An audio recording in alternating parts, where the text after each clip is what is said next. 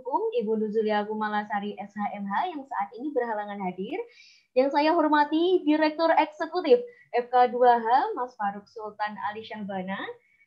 Yang saya hormati Ketua Panitia Penyelenggara Muhammad Gifari Fardana.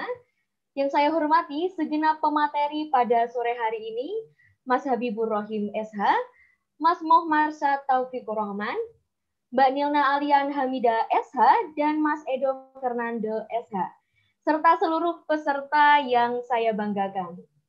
Puji syukur kehadirat Tuhan Yang Maha Esa atas berkat rahmatnya, kita dapat bergabung dalam kegiatan sharing debat kepenulisan dan gathering Forum Kajian Keilmuan Hukum One Step Closer to FK2H, when you're on treasure here. Sebelum memasuki acara, saya akan membacakan rangkaian acara dan tata tertib sebagai berikut. Rangkaian acara yang pertama pembukaan dengan menyanyikan lagu Indonesia Raya dan Mars FK2H. Dilanjutkan dengan sambutan. Sambutan yang pertama disampaikan oleh Ketua Panitia. Dilanjutkan dengan sambutan dari Direktur Eksekutif FK2H sekaligus membuka acara Dilanjutkan dengan pemaparan sharing kepenulisan bersama Mas Edo dan Mbak Nilna. Dilanjutkan dengan sesi tanya jawab termin pertama. Kemudian dilanjutkan dengan sesi tanya jawab termin kedua. Kemudian peserta mengisi daftar hadir dilanjutkan dengan pengumuman pemenang esai dan pengumuman peserta penanya teraktif dan ditutup dengan doa dan dokumentasi. Selanjutnya saya akan membacakan tata tertib sharing session. Yang pertama, pastikan jaringan 10 menit sebelum acara dimulai. Peserta diwajibkan untuk mematikan fitur mikrofon atau mute selama pembicara menyampaikan materi. Peserta diwajibkan mengaktifkan kamera selama kegiatan webinar berlangsung. Peserta dilarang mengajukan pertanyaan pada saat pembicara menyampaikan materi atau mengaktifkan fitur resen. Peserta dapat bertanya dengan menyalakan mikrofon atau bisa mengetik pertanyaan di room chat setelah dipersilahkan oleh moderator. Modera eh, moderator memiliki hak penuh untuk memandu jalannya sharing session hingga berakhir. Itu tadi rangkaian acara dan tata tertib sharing session pada sore hari ini. Dan saya informasikan bahwasannya akan ada reward bagi dua peserta dengan penanya teraktif dalam uh, sharing session pada kali ini. Jadi jangan lewatkan kesempatan sharing session ini dan pengumuman peserta teraktif akan diumumkan di akhir acara. Dan tidak lupa saya ingatkan bahwasanya teman-teman jangan meninggalkan uh, room Zoom terlebih dahulu karena presensi akan ada setelah sharing session berlangsung. Dan langsung saja kita menuju ke acara yang pertama, yakni hmm, menyanyikan lagu Indonesia Raya dilanjutkan dengan Mars FK2H. Kepada panitia yang bertugas disilahkan dan kepada seluruh peserta dimohon untuk memposisikan diri.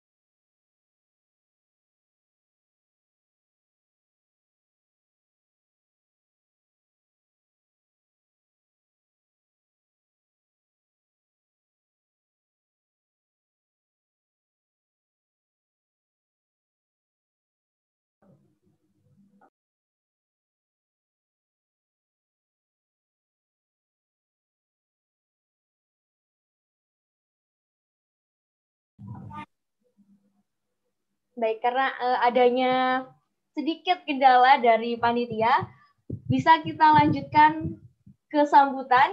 Sambutan yang pertama disampaikan oleh Ketua Panitia Penyelenggara kepada Givari Fardana, disilahkan.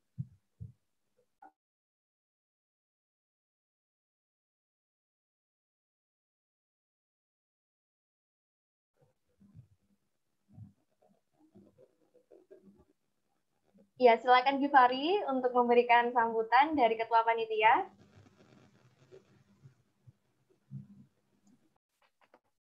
Ya, terima kasih moderator. Uh, Assalamualaikum warahmatullahi wabarakatuh. Selamat siang semua para hadirin yang berkenan hadir di acara One Step Closer to FK2 Final Treasure. Ya, webinar debat kepenulisan. Yang pertama saya ingin memberi sambutan terlebih dahulu kepada Ibu uh, Nuzulia Kumasari SMA yang berkenan hadir selaku pembina FK2H, lalu Mas Faruk yang merupakan Direktur Eksekutif, lalu para pemateri yaitu Mas Edo Fernando SH, Mas Habibur Robir SH, Minali. Gimana moderator? Apa uh, langsung aja sambutan dari ketua panitia, baru setelah itu dilanjut lagu. Oke. Okay. Uh, eh, untuk Mas Habib Rohim SH dan Mbak Nina, Ali, Nina Alian Hamida SH dan Mas Marsa yang bersedia meluangkan waktunya untuk memberikan ilmu dan pengalamannya kepada para peserta pada hari ini. Dan tak lupa untuk para peserta yang saya hormati, begitupun para panitia yang totalitas bekerja demi terlaksananya acara pada hari ini.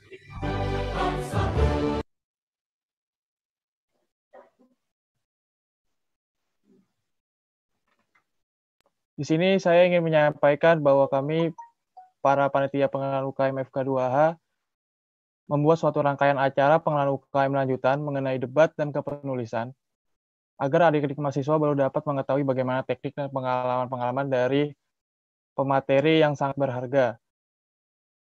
Dan alasan kami memilih tema ini karena debat dan kepenulisan memang merupakan corak dari organisasi FK2H yang berkecimpung di ranah penalaran dan debat dan kepenulisan. Semoga adik-adik dan para peserta pada nantinya termotivasi agar ingin bergabung ke dalam keluarga FK2H. Yang sampai di situasi pandemi ini mengurangi niat dan motivasi kita untuk berorganisasi dan berhimpun agar menjadi insan akademis. Tanpa berpanjang lagi, demikian jika kesalahan kata dan kekurangan dari acara ini, mohon maaf. Terima kasih. Salam bersama, berkaya dan berprestasi. Assalamualaikum warahmatullahi wabarakatuh. Waalaikumsalam warahmatullahi wabarakatuh. Dan sebelum kita membuka acara, dan mendengarkan sambutan dari Direktur Eksekutif, marilah kita bersama menyanyikan lagu Indonesia Raya dilanjutkan dengan Mars FK2H. Kepada panitia yang bertugas, silahkan.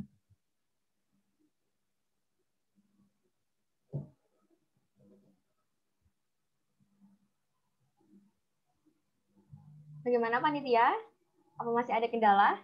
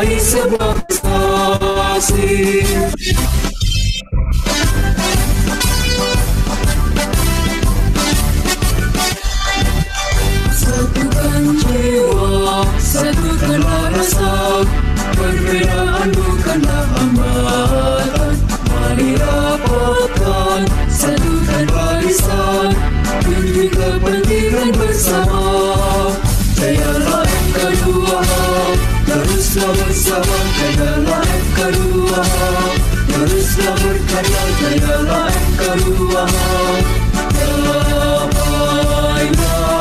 prestasi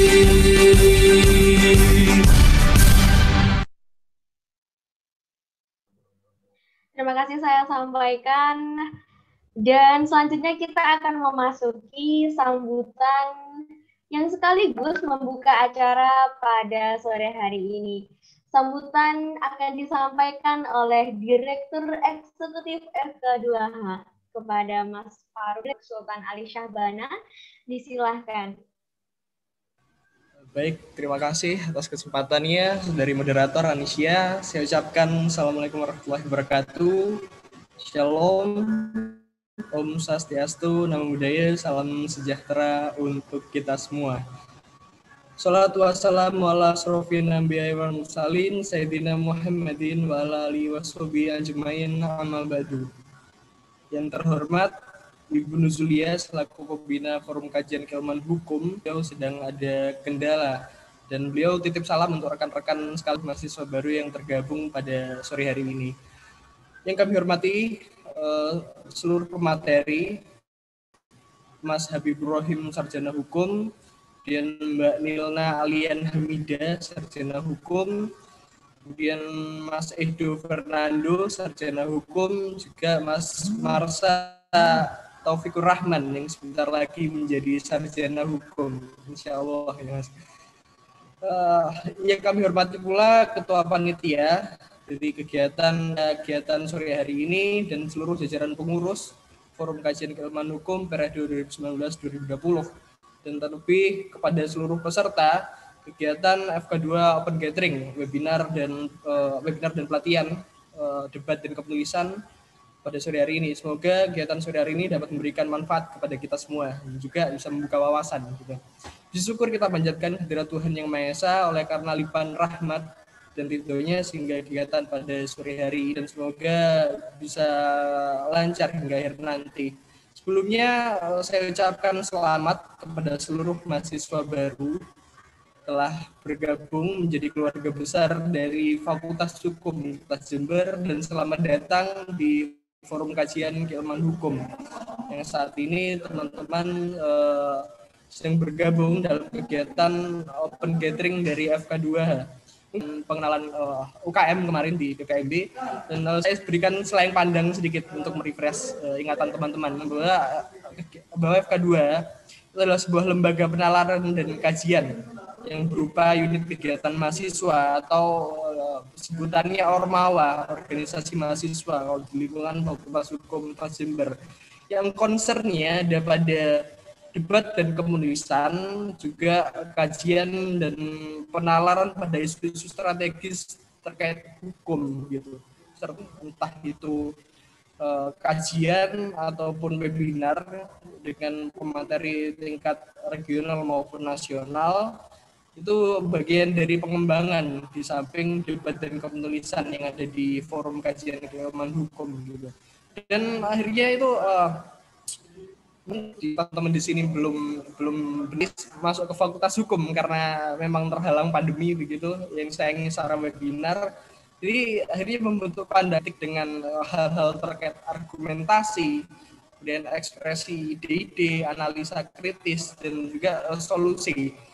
Yang pada paradigmanya saya ini juga dapat informasi dari rekan-rekan pengenalan UKM kemarin. Mungkin pertanyaan-pertanyaan yang muncul di teman-teman sekalian atau paradigma yang muncul itu biasanya KFK2 itu KM ambis ya. KFK2 itu KM yang bagus atau gimana. Nah jadi sebetulnya yang eh, yang yang kurang linier dengan apa yang ada di FK2 begitu. Sebenarnya konsepnya di FK2 itu setiap orang punya proses masing-masing, teman-teman. Jadi eh, setiap orang itu punya peranan dan konsep dan dan uh, prosesnya masing-masing. Dan itu prosesnya dibentuk di FK2 jadi tidak ada sesuatu yang instan atau ketika FK2 ya, kalau meminjam uh, konsep berpikirnya dari Aristoteles itu eh, FK2 ini dibaratkan rahim begitu. Jadi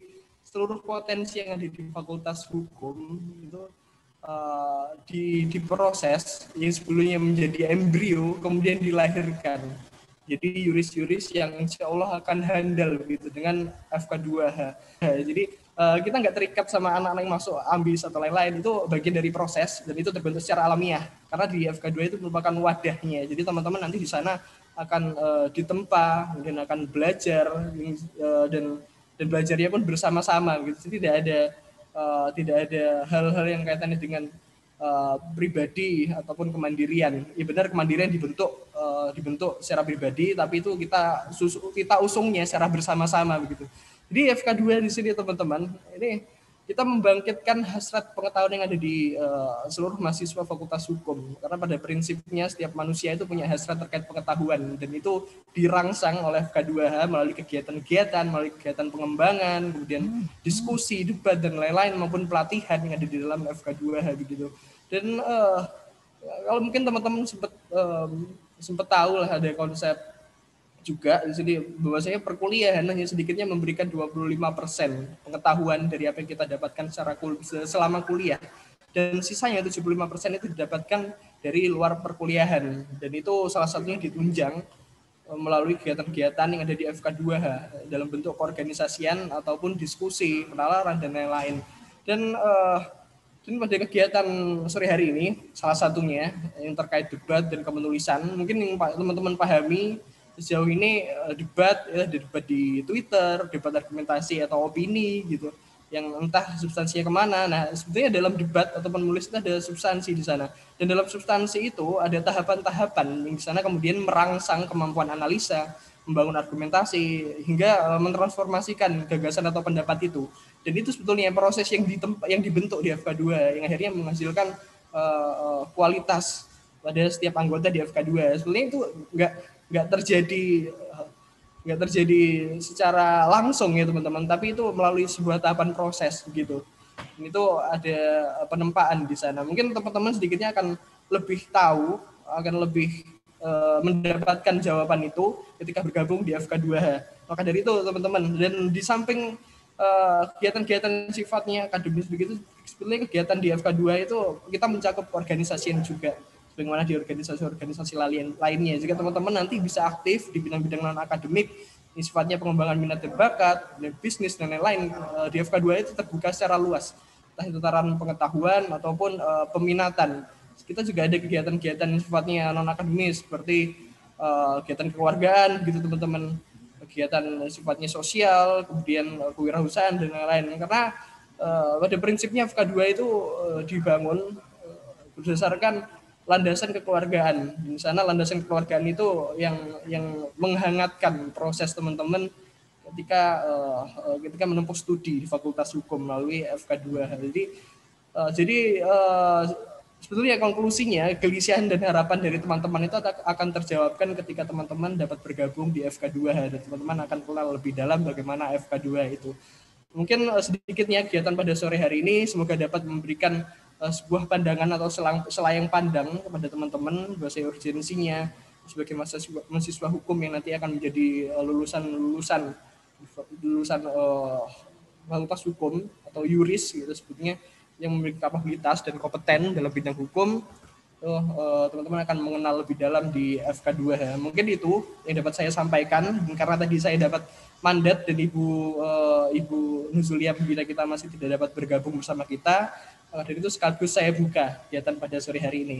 Dengan mengucapkan Bismillahirrahmanirrahim, kegiatan pada sore hari ini, FK2H Open Gathering, saya buka.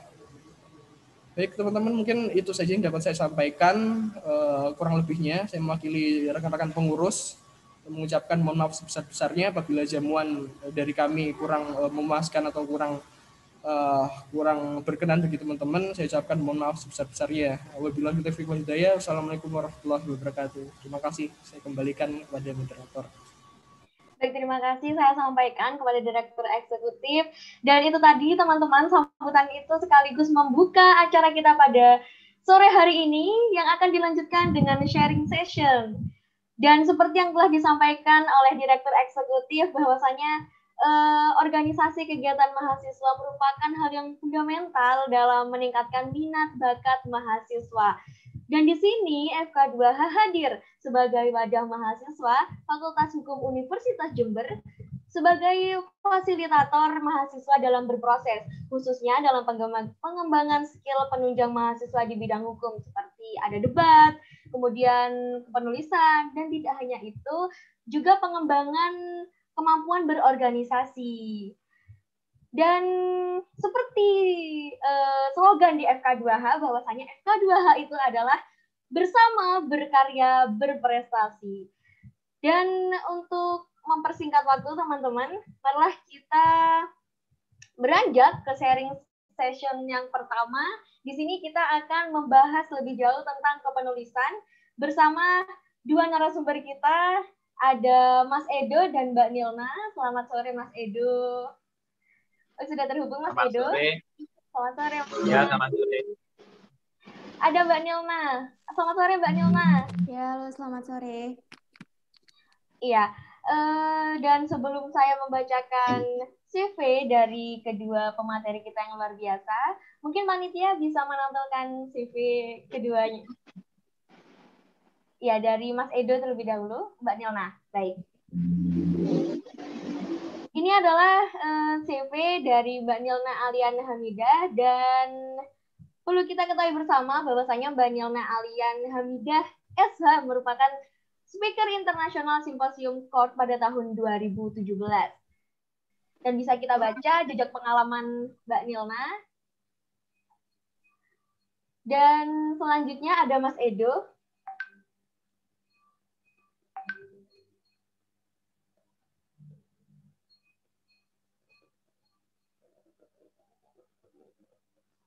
Ya, silakan ditampilkan CV dari Mas Edo.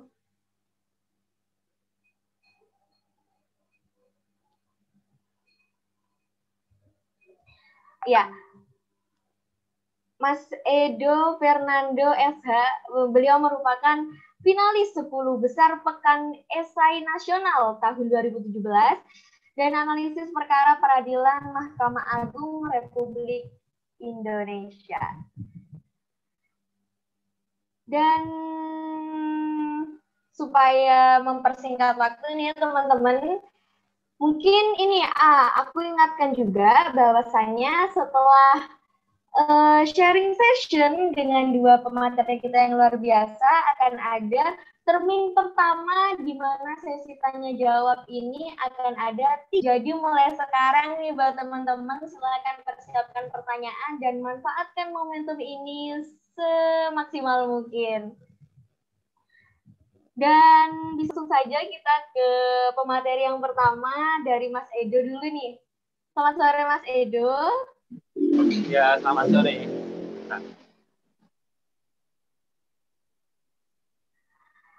Mas Edo Baik. ini merupakan salah satu generasi FK2. Mas Edo, mau sharing tentang ini dalam hal kepenulisan eh, apa yang perlu diperhatikan dan apa yang perlu dihindari dalam menulis utamanya untuk mahasiswa angkatan 2020 nih yang mungkin eh, masih akan merintis atau awam tentang kepenulisan gitu. Maksudnya Mas, silakan. Baik, Assalamualaikum warahmatullahi wabarakatuh. Terima kasih kepada teman-teman semua terutama bagi pengurus dan kepada panitia yang telah menyelenggarakan acara pada kali ini. E, langsung saja, bahwasanya menulis itu merupakan suatu kebutuhan bagi mahasiswa hukum. Karena pada saatnya sebelum kalian nanti eh, mendapatkan gelar sarjana hukum, eh, mengapa saya dulu terjun kepada penulisan? Karena menulis itu merupakan suatu kebutuhan itu tadi yang saya bilang. Dan pada akhirnya semua sebenarnya mahasiswa itu bisa menulis, tinggal bagaimana kemauan serta tekad agar uh, tulisan tersebut menjadi baik. Kedua, saya itu nggak punya basic dalam menulis. Saya uh, cuma keinginan mengikuti lomba-lomba, tapi selalu gagal sebelum ikut FK2 karena basic basic saya sendiri dari IPA yang tidak yang tidak tahu dunia kepenulisan. Pertama kali mencoba di lomba itu saya ikut pertama lomba di Universitas Airlangga. Saya asal menulis saja mengalami cuma lolos abstrak saja, tidak bisa eh, ke tahap selanjutnya. Dari hal tersebut, saya tertarik dengan UKM FK2H. Akhirnya di sana belajar bagaimana cara menulis, bagaimana menetapkan tema, memilih judul, agar sesuai dengan apa yang diminta oleh panitia. Saya terus berlatih, berlatih, berlatih, dan akhirnya eh, saya karya kepenulisan. Dan bagusnya di FK2 yaitu kakak tingkat pengurus selalu mereview tulisan-tulisan kita sehingga bisa membuat memberi masukan kepada kita uh, tulisan apa yang kurang dan perlu-perlu yang diperbaiki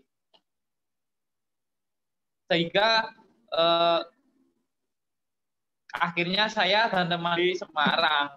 Nah itu merupakan pengalaman pertama saya di lomba penulisan. Dari situ saya mulai terus berlatih, berlatih, terus instan untuk belajar di FK2H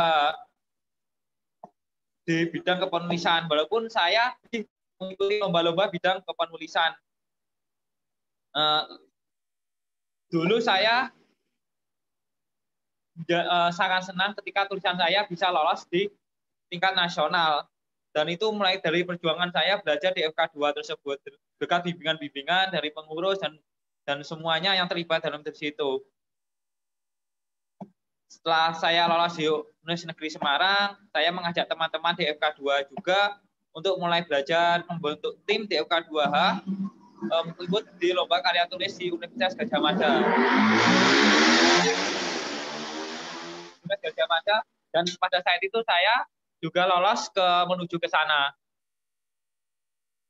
Terus berlatih dan juga pada saat itu juga berbarengan saya juga mengikuti lomba uh, forum mahasiswa hukum Indonesia dengan membuat sebuah tulisan tentang esai. Di situ perkumpulan mahasiswa hukum yang untuk memaparkan tulisan-tulisannya. Dan yang menjadi finalisnya itu adalah saya sebagai perwakilan dari Fakultas Hukum atas Forum Kajian Keilmuan Hukum. Untuk selanjutnya yaitu saya juga uh, memiliki pengalaman juga meningkatkan terus penulisan baik itu uh, membuat esai, lomba karya tulis ilmiah maupun legal opinion yang dipelajari dari latihan uh, program kerja yang diadakan oleh Forum Kajian Keilmuan Hukum. Selanjutnya juga pengalaman saya itu bisa ikut lomba keluar pulau yaitu ke Riau dengan dukungan dari Forum Kajian Keilmuan Hukum. Di situ saya eh, sangat senang karena dapat mewakili kampus dan juga ikut sebagai perwakilan dari Forum Kajian Keilmuan Hukum. Jadi menurut saya Forum Kajian Keilmuan Hukum itu sangat cocok bagi kalian yang ingin memperdalami ilmu-ilmu kepenulisan. Karena di sana nanti benar-benar kalian dipelajari bagaimana cara menulis dari awal. Seperti saya dulu yang tidak bisa apa-apa, hingga bisa akhirnya eh, bisa untuk membuat sebuah karya kepenulisan. Dan jika kalian nanti bisa baik terus ada tahapan kemajuan dalam kepenulisan, kalian bisa mengikuti juga namanya organisasi Ikatan Penulis Mahasiswa Hukum Indonesia. pada saat itu saya menjabat sebagai Menteri Eksternal dari IPMHI. Yang mana Alhamdulillah dua periode sebelumnya UNED sebagai wakil ketua dari IPMHI dan periode sebelumnya UNED sebagai ketua dari IPMHI. Ya, ya Presiden Ikatan Penulis Mahasiswa Agung Indonesia. Jadi di IPMHI itu nanti adalah lembaga, uh, organisasi kepenulisan yang mengkoordinir penulis-penulis hukum se-Indonesia yang dibina langsung oleh Dr. Hamdan Julfa yang dari Unhas Makassar tersebut. Nah, yang Universitas Jember yang hari yang yang diwakilkan yaitu Forum Kajian Ilmu Hukum. Itulah yang mempunyai kelebihan dari Forum Kajian Ilmu Hukum karena nanti kalian bisa uh, berorganisasi di Ikatan Penulis Mahasiswa Hukum Indonesia. Banyak sekali kelebihan dari ketika kalian sudah beranjak seperti ke IPMHI nanti melalui FK 2H. Di situ kalian bisa uh, berkomunikasi dengan ahli-ahli hukum tingkat nasional serta dapat juga uh, berdiskusi antar mahasiswa hukum se-Indonesia membuat sebuah tulisan jurnal yang berkualitas.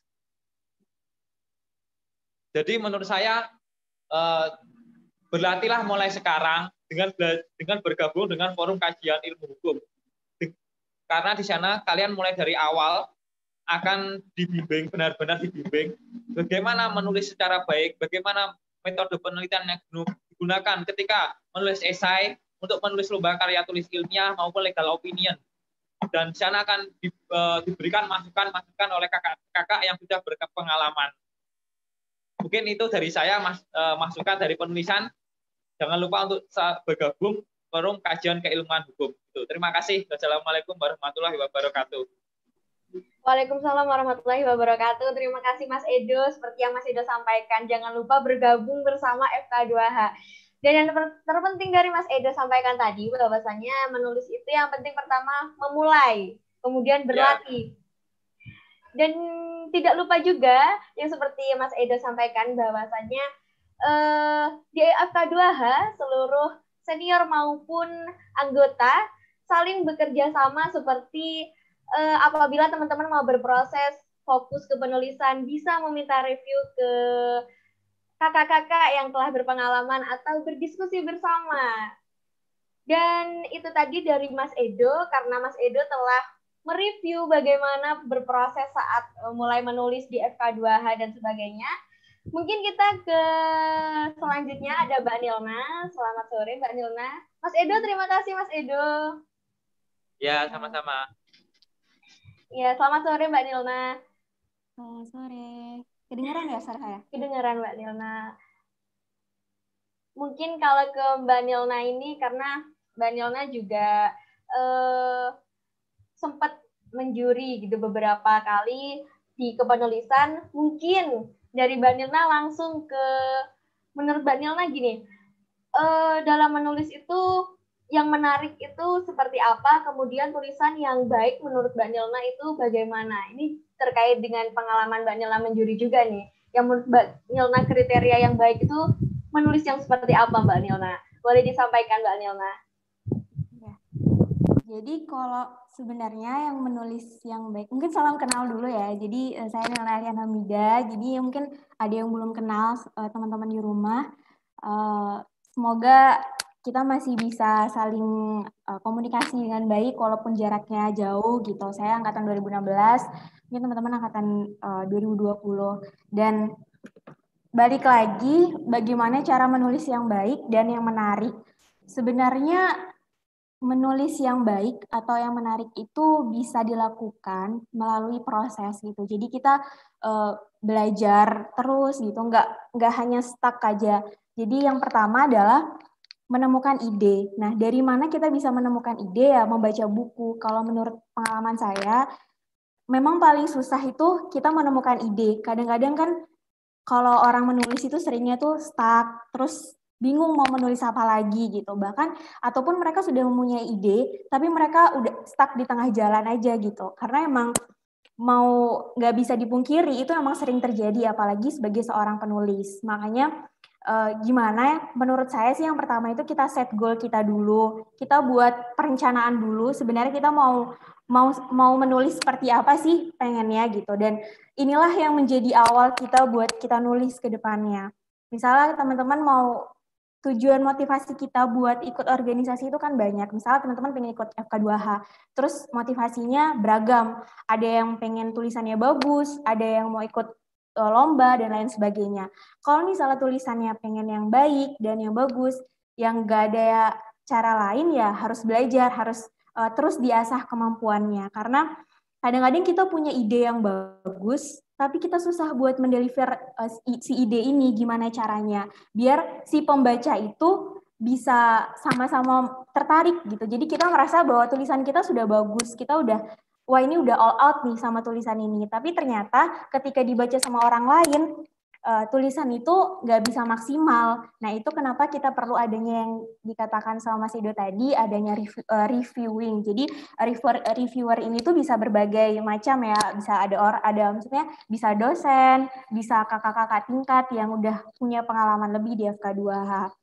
Dan kakak tingkatnya tentunya nggak uh, boleh pelit ilmu, jadi harus uh, dibagikan gimana sih cara nulis yang baik, Terus gimana sih sebenarnya tulisan-tulisan atau teknik penulisan baik ide yang disukai sama si juri gitu. Jadi kalau misalnya itu tujuannya lomba, tapi kalau pingin sekedar punya tulisan bagus, sekedar uh, saya pengen ikut FK2H, jadi misalnya pengen ikut FK2H, terus uh, biar punya punya makalah yang baik terus nilainya bagus gitu. Kan banyak ya motivasi orang buat um, untuk bisa join ke FK2 itu banyak. Dan itu tergantung sama balik lagi ke orangnya dan gak bisa dipaksain dong. Yang mestinya mereka pengennya seperti apa. Atau cuman buat relasi juga itu nggak masalah. Tapi kalau misalnya udah pengen nulis yang baik atau yang bagus yang menarik um, belajar ya belajar uh, terus baca buku. Kalau dari ide itu yang pasti baca buku. Karena ataupun bisa diskusi sama kakak-kakak tingkat, sama dosen, itu juga bisa membuka,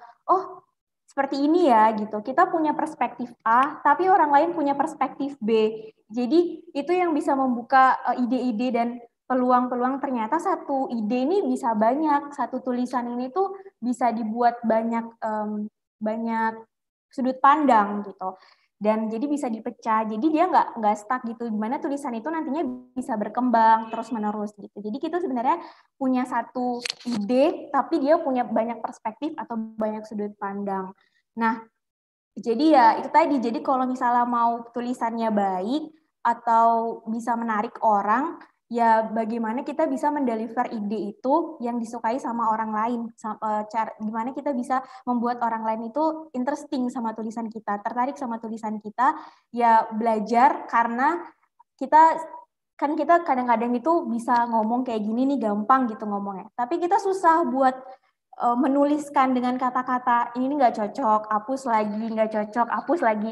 Lebih baik kalau kayak gitu tuh tulis aja dulu, baru nanti di review semuanya. Itu menurut saya lebih lebih baik gitu. Karena kalau nulis, hapus, nulis, hapus itu tidak akan pernah selesai. Jadi lebih baik ditulis dulu semuanya, terus nanti di review. Kalau misalnya nggak mampu, butuh pertolongan orang lain nih buat uh, review, kita minta bantuan orang lain karena uh, itu yang bisa membuat tulisan itu menjadi lebih baik. Jadi um, lebih uh, lebih baik lebih, semakin banyak dibaca orang atau sedap, semakin banyak dapat masukan dari orang lain maka tulisan itu akan semakin baik. Misalnya saya juga dulu di FK2H nggak langsung bisa nulis, nggak langsung bisa baik tulisannya bahkan sampai sekarang pun juga saya masih belajar gimana sih caranya punya tulisan yang baik gitu. Buktinya kayak misalnya kita skripsi gitu ya. Kita ngerasa udah wah ini tulisannya udah bagus, udah kayaknya udah all out kita udah kita kasihkan dosen ternyata masih ada aja yang salah, masih ada aja yang perlu diperbaiki. Jadi itulah kenapa gunanya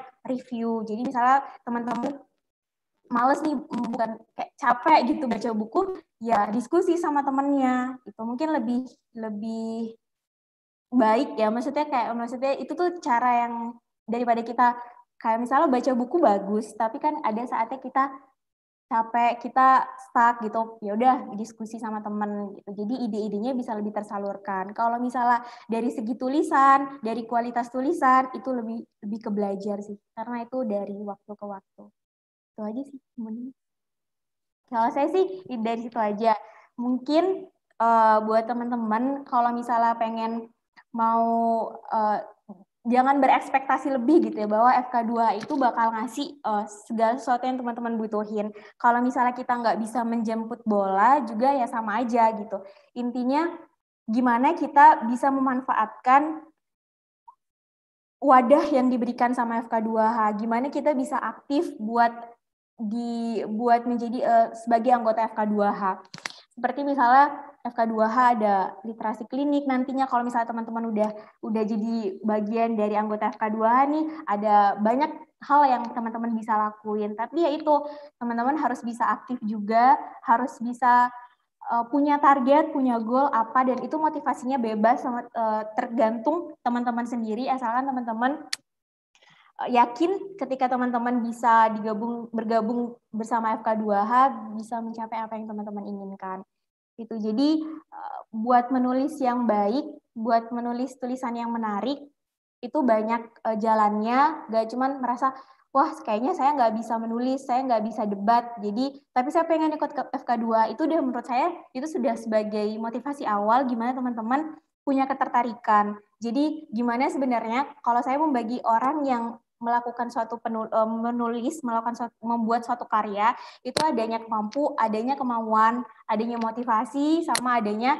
pengetahuan dan kemampuan. Kalau teman-teman punya kemampu, kemamu, kemauan sama motivasi itu udah menjadi nilai plus gitu. Jadi gak ada alasan buat uh, teman-teman saya nggak nggak mampu nih di FK2H anaknya ambis-ambis gitu misalnya nggak nggak kayak gitu jadi gak semua semua yang teman-teman bayangin itu seperti itu. Jadi ya masuk dulu di FK2H kita berproses bareng-bareng, kita belajar bareng-bareng karena di sini tempatnya berproses, baru berkarya, baru berprestasi. Jadi uh, maksudnya kita bersama-sama lah berkaryanya gitu. Jadi bisa saling sharing gimana pengalamannya, gimana mungkin kan banyak nih teman-teman kakak kelas yang kemarin udah sering lomba, udah sering bertemu nih sama juri. Jadi gimana sih vibe-nya ketika kita lomba itu kayak apa sih ketika presentasi gitu. Terus mungkin ada teman-teman yang bilang, wah saya nggak bisa nggak bisa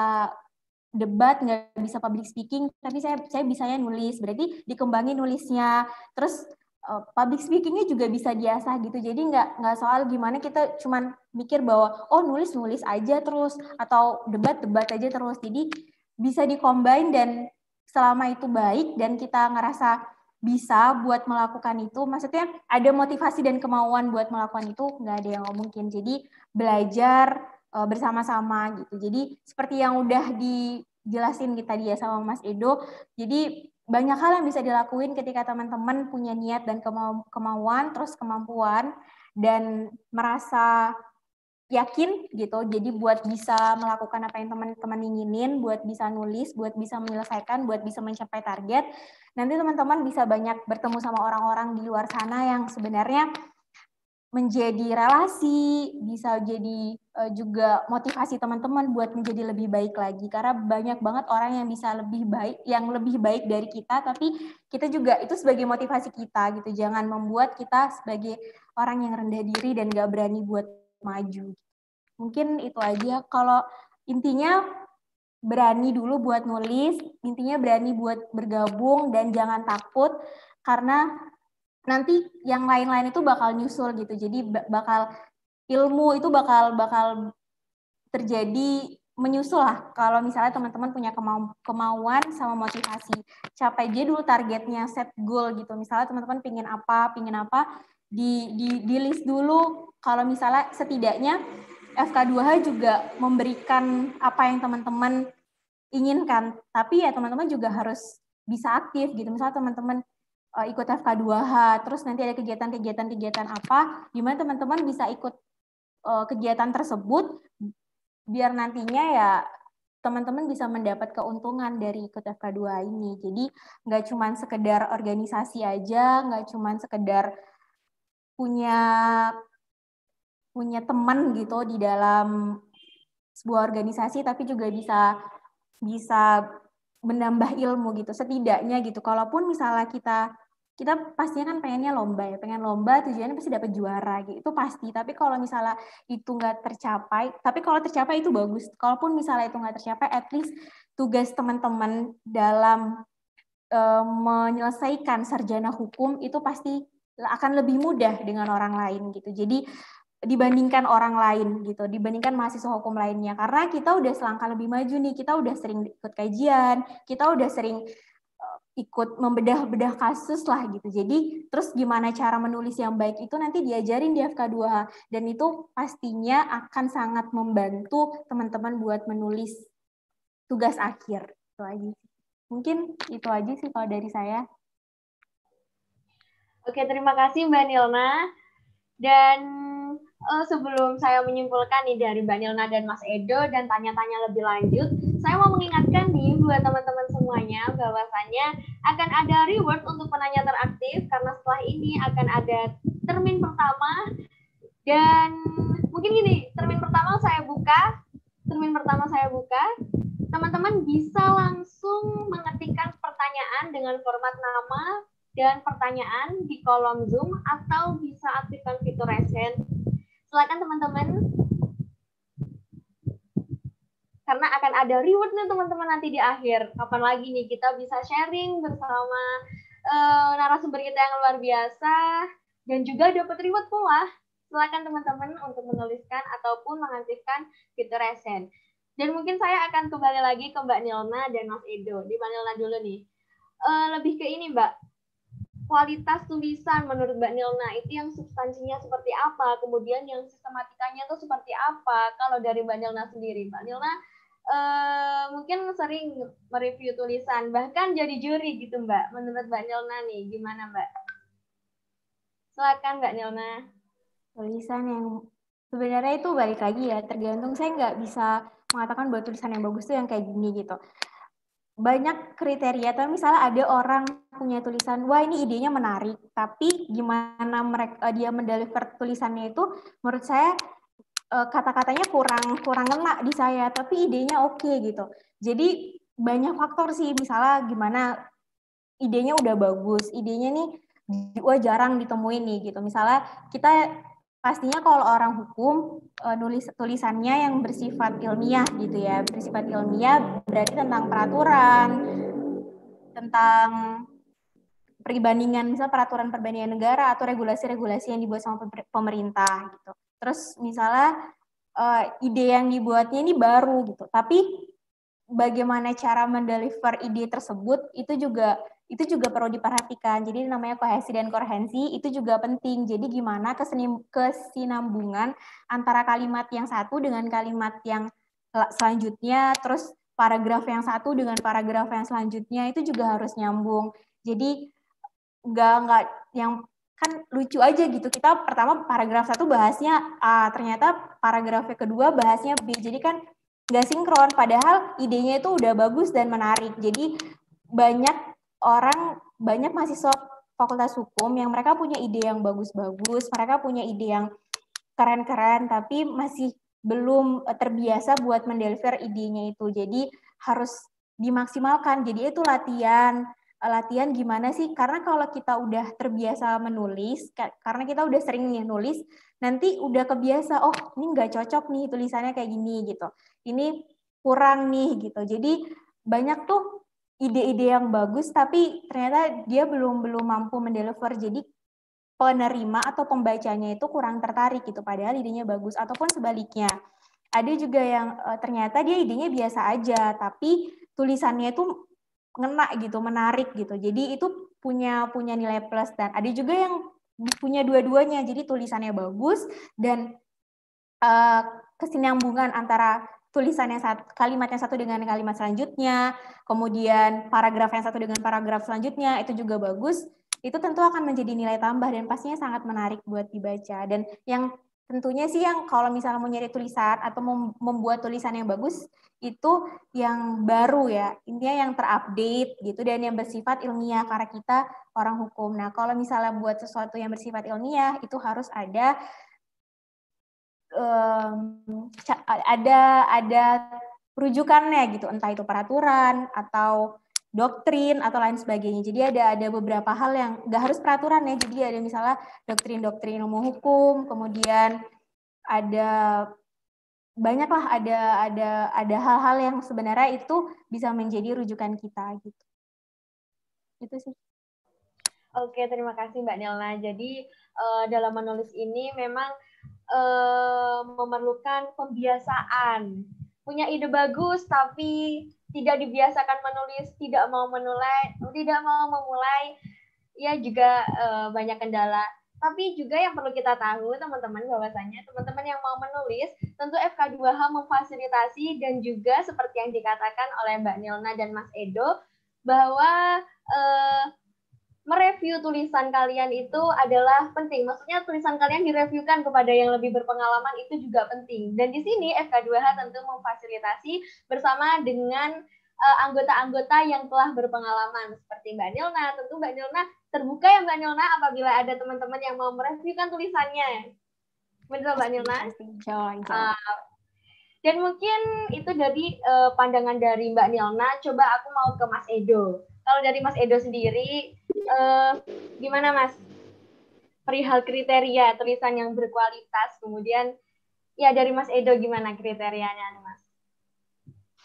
Kalau kriteria penulisan yang baik itu sebagaimana yang telah dijelaskan oleh Mbak Nila tadi sudah bagus dan pokok yang penting itu adalah penataan kata antara paragraf itu menyambung antara paragraf pertama sampai dari paragraf kedua dan selanjutnya sehingga membentuk satu kesatuan tema yang utuh dan tujuan dari tema yang diangkat itu tercapai gitu. Karena menurut uh, tulisan itu kan tujuannya untuk memecahkan suatu isu hukum yang menjadi permasalahan untuk dikaji ulang gitu kan. Nah, e, kalau di kriteria lomba kalau penulisan itu yang paling utama yaitu jangan sampai keluar dari ketentuan yang dibuat oleh panitia seperti tata cara penulisan, jumlah halaman, dan itu harus sesuai dengan peraturan yang dibuat oleh panitia. Dan yang penting juga yuk adalah uh, setiap tulisan yaitu menggunakan sumber hukum, sumber sumber uh, di mana tulisan itu diambil atau menggunakan not kalau di kampus Universitas Jember sehingga agar tidak, tidak dikatakan sebuah plagiarisme. Dan uh, yang bagus nanti adalah gunakan solusi yang sangat berbeda dengan pada umumnya sehingga yang melihat tulisan tersebut akan melihat bahwa tulisan yang telah dibuat tersebut mempunyai pembaruan daripada dengan tulisan-tulisan yang lain. Baik itu menggunakan per, peraturan perundang-undangan yang bisa mengenai dari tulisan tersebut sebagai penyelesaian dari sebuah permasalahan yang diangkat jadi hukum tersebut maupun menggunakan perbandingan hukum antar negara. Mungkin seperti itu. Oke, baik. Terima kasih. Jadi memang yang terpenting dari ke, uh, menulis itu adalah berkesinambungan antara paragraf satu dan lainnya dan juga tema yang diusung. Uh, sebelum itu teman-teman, aku mau ingatkan lagi nih siapa yang mau bertanya, silakan aktifkan fitur resen ataupun bisa langsung uh, mengetik di kolom Zoom yang telah disediakan. Apalagi nih teman-teman kita bisa sharing karena seperti yang kita tahu narasumber kita juga uh, tidak selalu gitu bisa sharing-sharing seperti ini. Jadi ayo manfaatkan momen ini dan juga saya informasikan kembali akan ada reward bagi peserta dengan penanya teraktif. Ini kayaknya teman-teman mungkin ada yang mengganjal mau tanya tapi malu gitu bisa langsung chat aja di kolom zoom atau bisa chat aku privat bisa kok silakan teman-teman. Dan mungkin aku bakal ini. Ah aku uh, aku himbau lagi nih buat teman-teman. Yuk aktifkan kamera dan supaya kita tahu juga kan. Teman-teman kan belum bertemu secara langsung nih. Angkatan 2020 bisa aktifkan kamera. Sekaligus ini jadi tempat uh, momentum. Tahu gitu temennya oh ini ternyata A ini ternyata B silakan teman-teman angkatan 2020 bisa mengaktifkan kameranya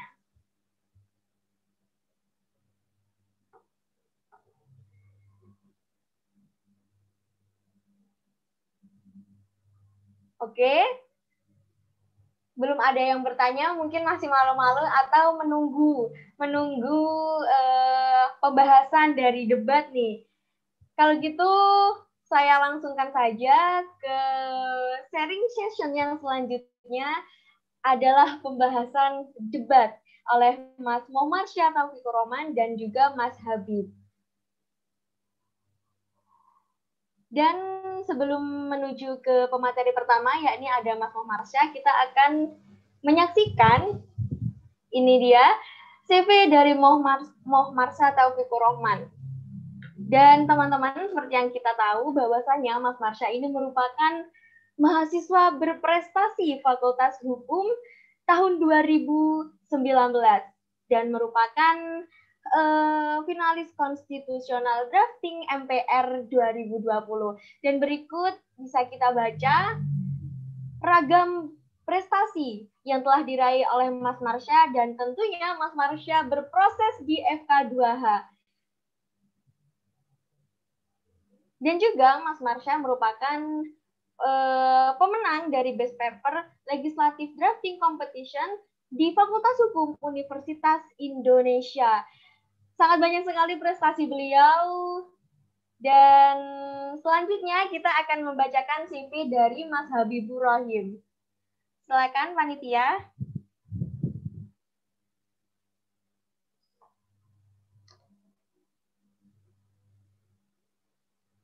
Baik, silakan panitia menampilkan CV dari Mas Habib. Ini menarik sekali teman-teman. Jadi Mas Habib merupakan uh, sarjana hukum Universitas Jember dan merupakan calon jaksa kejaksaan keberhasilan Mas Habib. Dan Mas Habib ini merupakan juara satu debat nasional di Universitas Surabaya, Lawfair 2016. Mas Habib juga merupakan juara satu debat MK tahun 2017 dan merupakan juara satu debat MPR se-Jawa Timur tahun 2018. Dan untuk menghemat waktu tidak usah berlama-lama lagi teman-teman, kita langsung menuju ke pemateri kita yang pertama dan sebelumnya saya himbau kembali kepada teman-teman untuk uh, ber, bisa bertanya dan ada reward untuk dua penanya teraktif. Dan kalau teman-teman emang malu nih mungkin dan langsung saja untuk menghemat waktu saya akan menuju ke Mas Marsha dan saya serahkan kepada Mas Marsha untuk memaparkan materi tentang debat. Silakan Mas Marsha. Oke, apakah suara saya terdengar ya? Masya debat. Silakan. Terdengar, Mas? Kayaknya suaranya mantap. Uh, panitia boleh izin untuk share screen?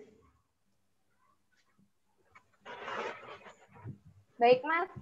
Panitia, silakan.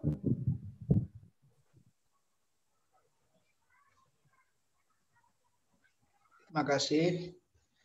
Ya, saya mungkin di sini bakal kasih sedikit testimoni ya bagaimana kehidupan kita di eh, karena kalau saya banyak uh, membahas tentang debat dan kepolisian agaknya uh, itu akan terlalu jauh kalau saya banyak membahas tentang debat dan kepolisian karena di sini tujuannya bagaimana Eh, teman-teman uh, maupun adik-adik di uh, 2000 angkatan 2020 ini sendiri akan yakin dengan uh, FK2 itu sendiri. Anak-anak FK2 berprestasi di bidang di kancah nasional uh, maupun regional itu sendiri.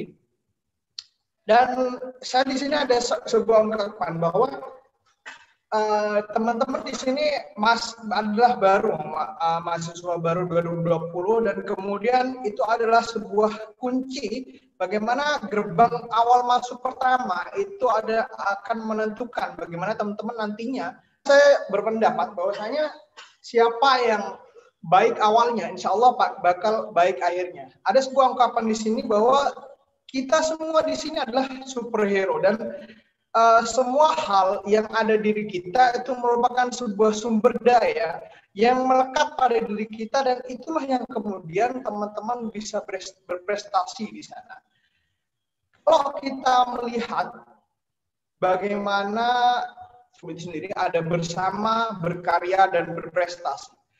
Ada tiga filosofi ini sendiri melekat pada hidup pada anak-anak FK2H dan itulah yang kemudian menjadi dasar bagaimana mereka berprestasi dan menyumbangkan uh, nama baik pada Fakultas Hukum Universitas oleh teman-teman dari FK2H. Dan ternyata dari itu semua tidak semua tidak semua teman-teman uh, yang berprestasi itu sendiri dari awal bukan uh, mereka yang mempunyai bakat debat dari awal maba, kemudian bakat penulisan dari awal maba, ternyata tidak.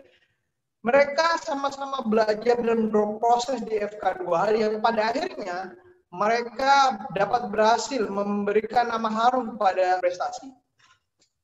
Kalau kita berkata tentang berprestasi, sedikit uh, memotivasi teman-teman. Pada tahun 2017, saat itu saya masih maba, di mana tahun 2017 itu sendiri uh, saya masuk maba ospek Agustus 2017 dan kemudian pada bulan November 2017 atas uh, FK2H saya, saya berhasil untuk uh, mem, uh, menyabat beberapa gelar di event nasional yaitu juara kompetisi Asian Nasional LPS KRI dan juara satu debat mahasiswa baru.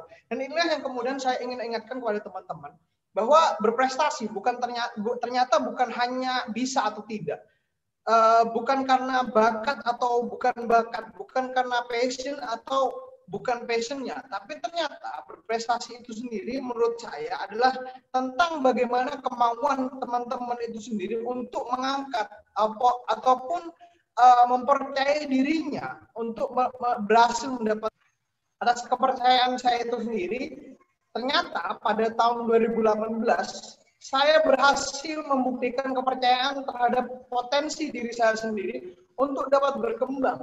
Nyata-nyata, nyatanya kemudian teman-teman uh, dapat pada tahun 2018 meskipun saya tidak lolos ke nasional FK2H berhasil mendapatkan uh, juara tiga uh, majelis perumusan rakyat debate konstitusional di kemudian yang kemudian teman-teman teman-teman sekalian di mana ini semua berlanjut pada tahun 2019 yang pada akhirnya keseluruhan prestasi tersebut yang yang saya bangun dan uh, saya kolaborasikan dengan teman-teman di FK2H dan saya proseskan di teman-teman FK2H membawa saya menjadi uh, mawapres yaitu mahasiswa berprestasi utama di Fakultas Hukum Universitas. Banyak di antaranya dari kepenulisan dan debat yang saya dapat dari FK2H.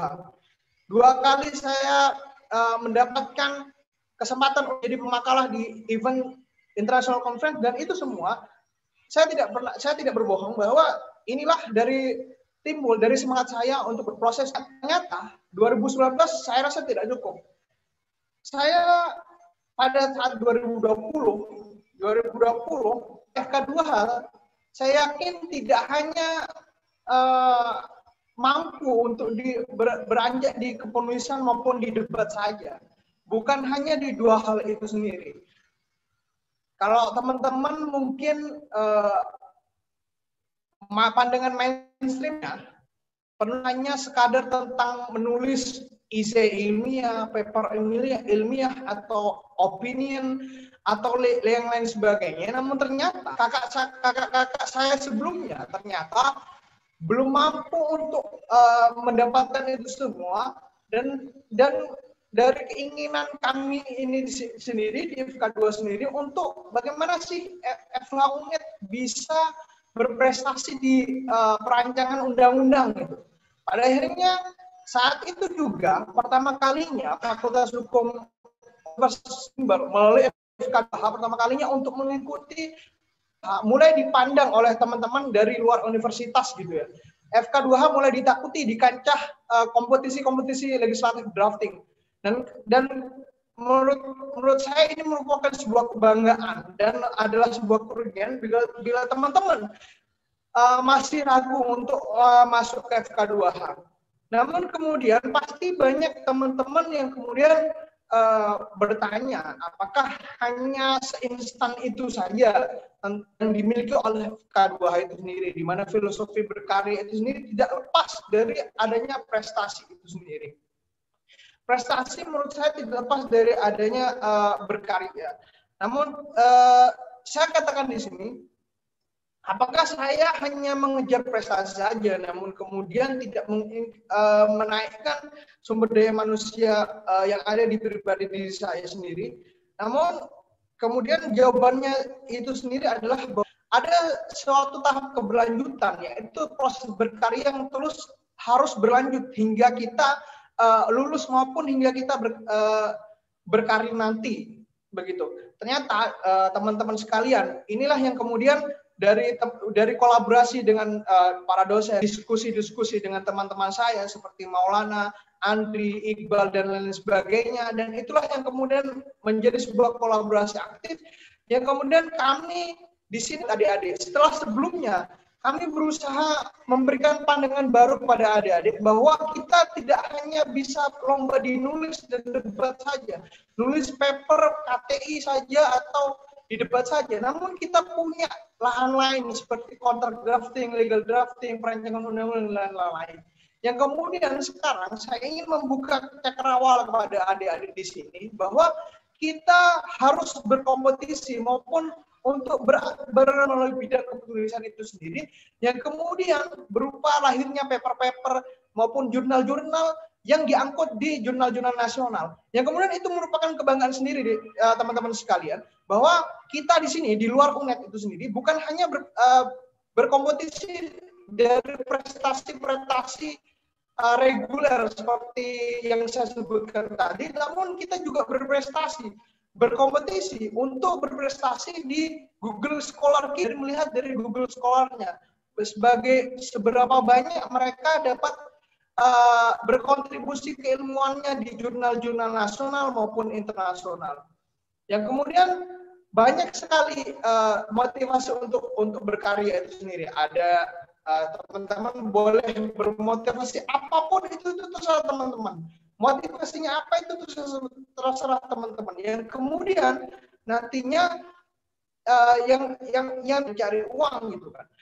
Uh, dulu saya hanya diberi uang saku 600 ribu per bulan dan itu sangat tidak cukup untuk makan. Misalkan bisa di spare ya, uh, kos hanya 400 ribu per bulan dan hanya tersisa 200 ribu untuk makan dan itu tidak cukup.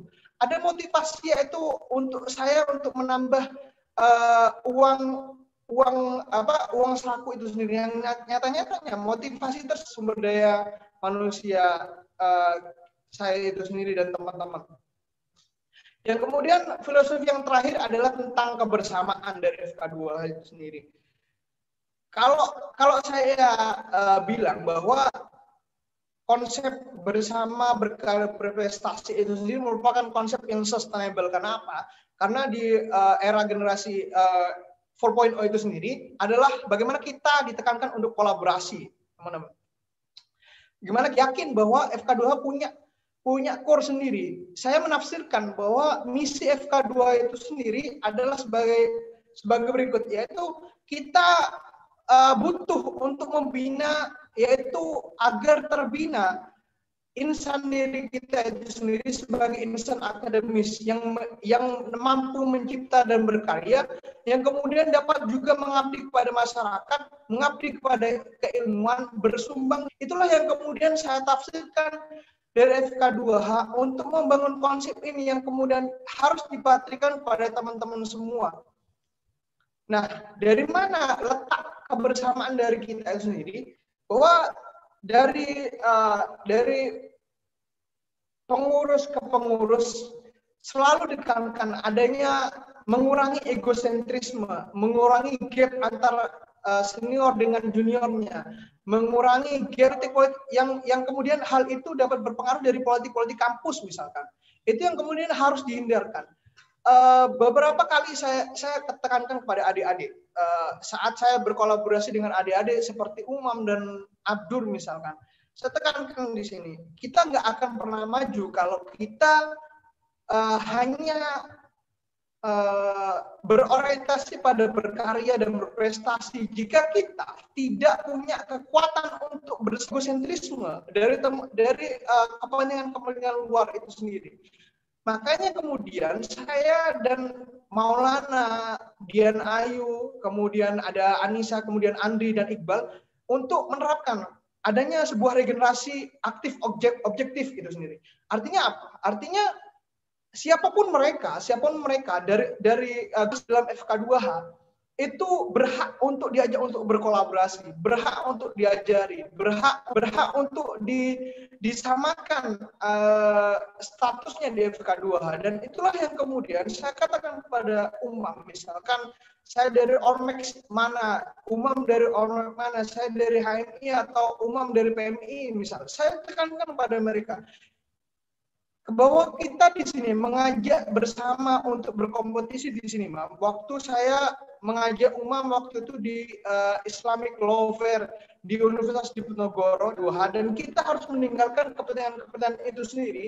Kalau kita nggak mau meninggalkan kepentingan itu sendiri, maka kita nggak bakal maju. Saya katakan kepada umam, Mam, manusia mana pun gitu, manusia mana pun dan uh, individu mana pun, kelompok mana pun, jika dia tidak dapat meninggalkan egosentrisme dan gap ataupun sektarian yang dimilikinya, maka saya pastikan dia gak bakal maju. Aku ngajak kamu karena aku dan pertama kali dia mendapatkan status finalis di Majelis Pemusyawaratan Rakyat uh, Drafting. Dan saya pertama kalinya untuk memberikan uang uang 20 juta dari kompetisi uh, constitutional drafting itu sendiri dan itu merupakan kebanggaan dari bagi diri saya dan bagi diri umum yang kemudian itu sendiri merupakan sebuah komitmen di mana regenerasi ini sendiri dapat berjalan aktif pada adik-adik termasuk di generasi 2020 itu sendiri.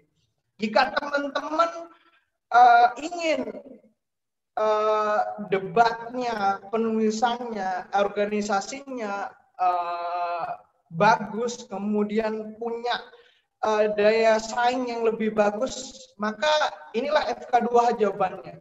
Teman-teman nggak usah risau ketika teman-teman punya ke nggak punya uh, rasa ataupun punya rasa minder itu sendiri nggak nggak usah nggak usah ragu banyak sulit untuk dijangkau karena ada empat tahun di atas eh, tiga uh, tahun di atas adik-adik bisa langsung ke 2018 atau 2019 saya sudah uh, bukan berarti uh, disclaimer atau apa.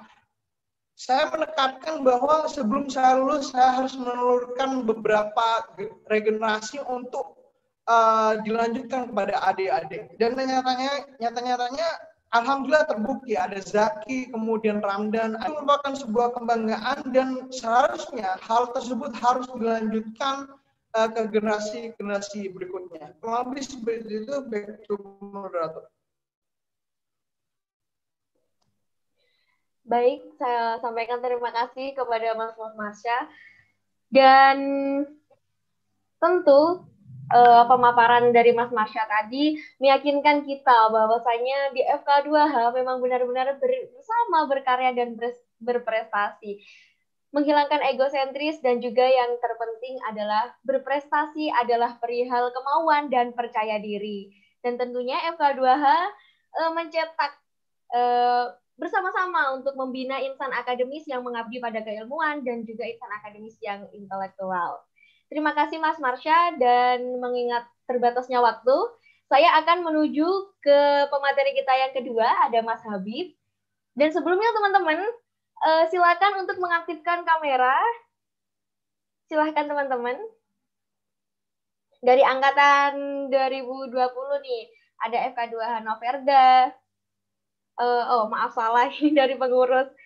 Ada Salsabila, ada Andriani, ada banyak nih. Ayo silakan uh, aktifkan kamera supaya lebih interaktif nih kita dan juga tahu nih teman-teman kan belum ketemu langsung. Oke, mungkin saya kembalikan kepada langsung saja saya berikan kesempatan kepada Mas Habibur Rahim, calon jaksa. Silakan Mas Habib. Eh, halo, assalamualaikum teman-teman. Selamat selamat sore ya. Selamat sore dan semoga kita semua berbahagia. Eh, kita mau, aku mau eh, gini ya. Kita kan kemarin aku dihubungi sama teman-teman panitia, diminta buat ngejelasin soal debat gimana dan pengalamanku soal debat kayak gimana. Nah, biar biar terkesan ini aku gak menggurui ya, soalnya aku juga bukan Tuhan yang maha benar. Jadi aku uh, pengen ngobrol sedikit aja sama teman-teman soal ini. Aku punya main games. Oke, okay? aku uh, share screen dulu ya.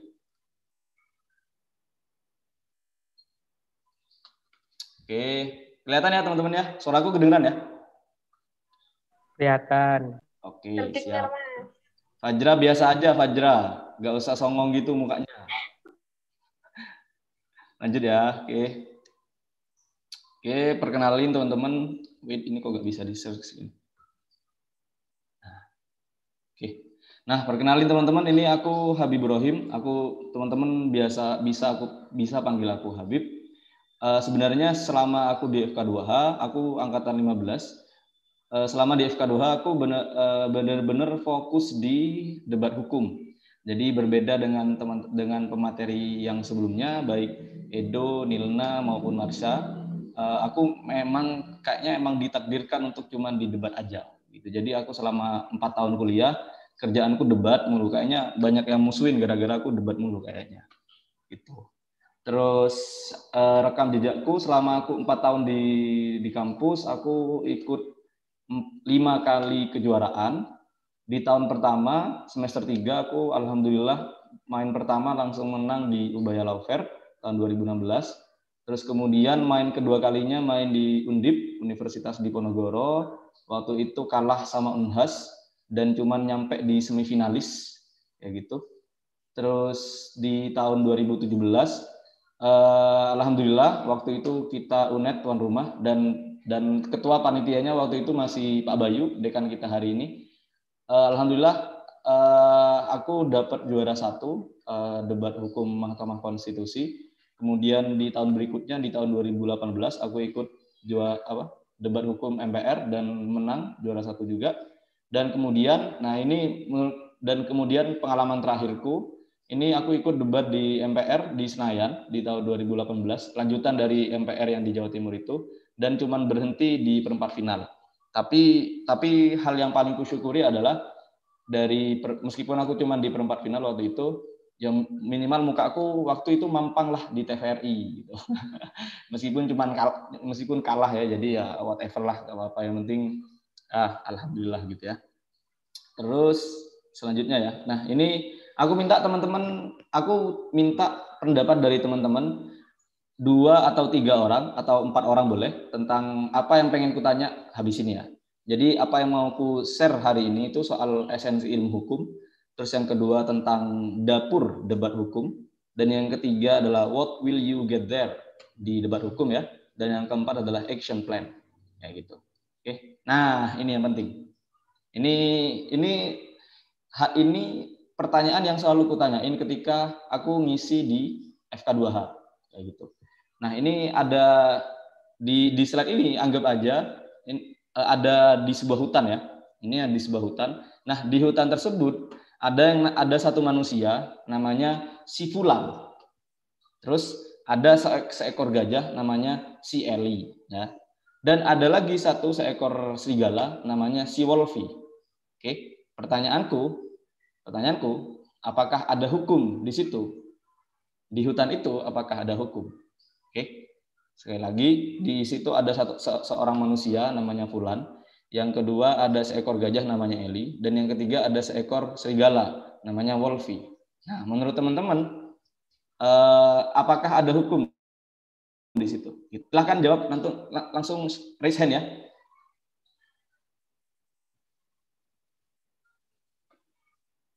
Ada yang bisa ngejelasin? Gak apa-apa. ben- benar salah benar salah sih nggak masalah. Aku nggak cari itunya. Aku cuman cuman pengen tahu menurut teman-teman di situ ada hukum apa enggak. Gitu.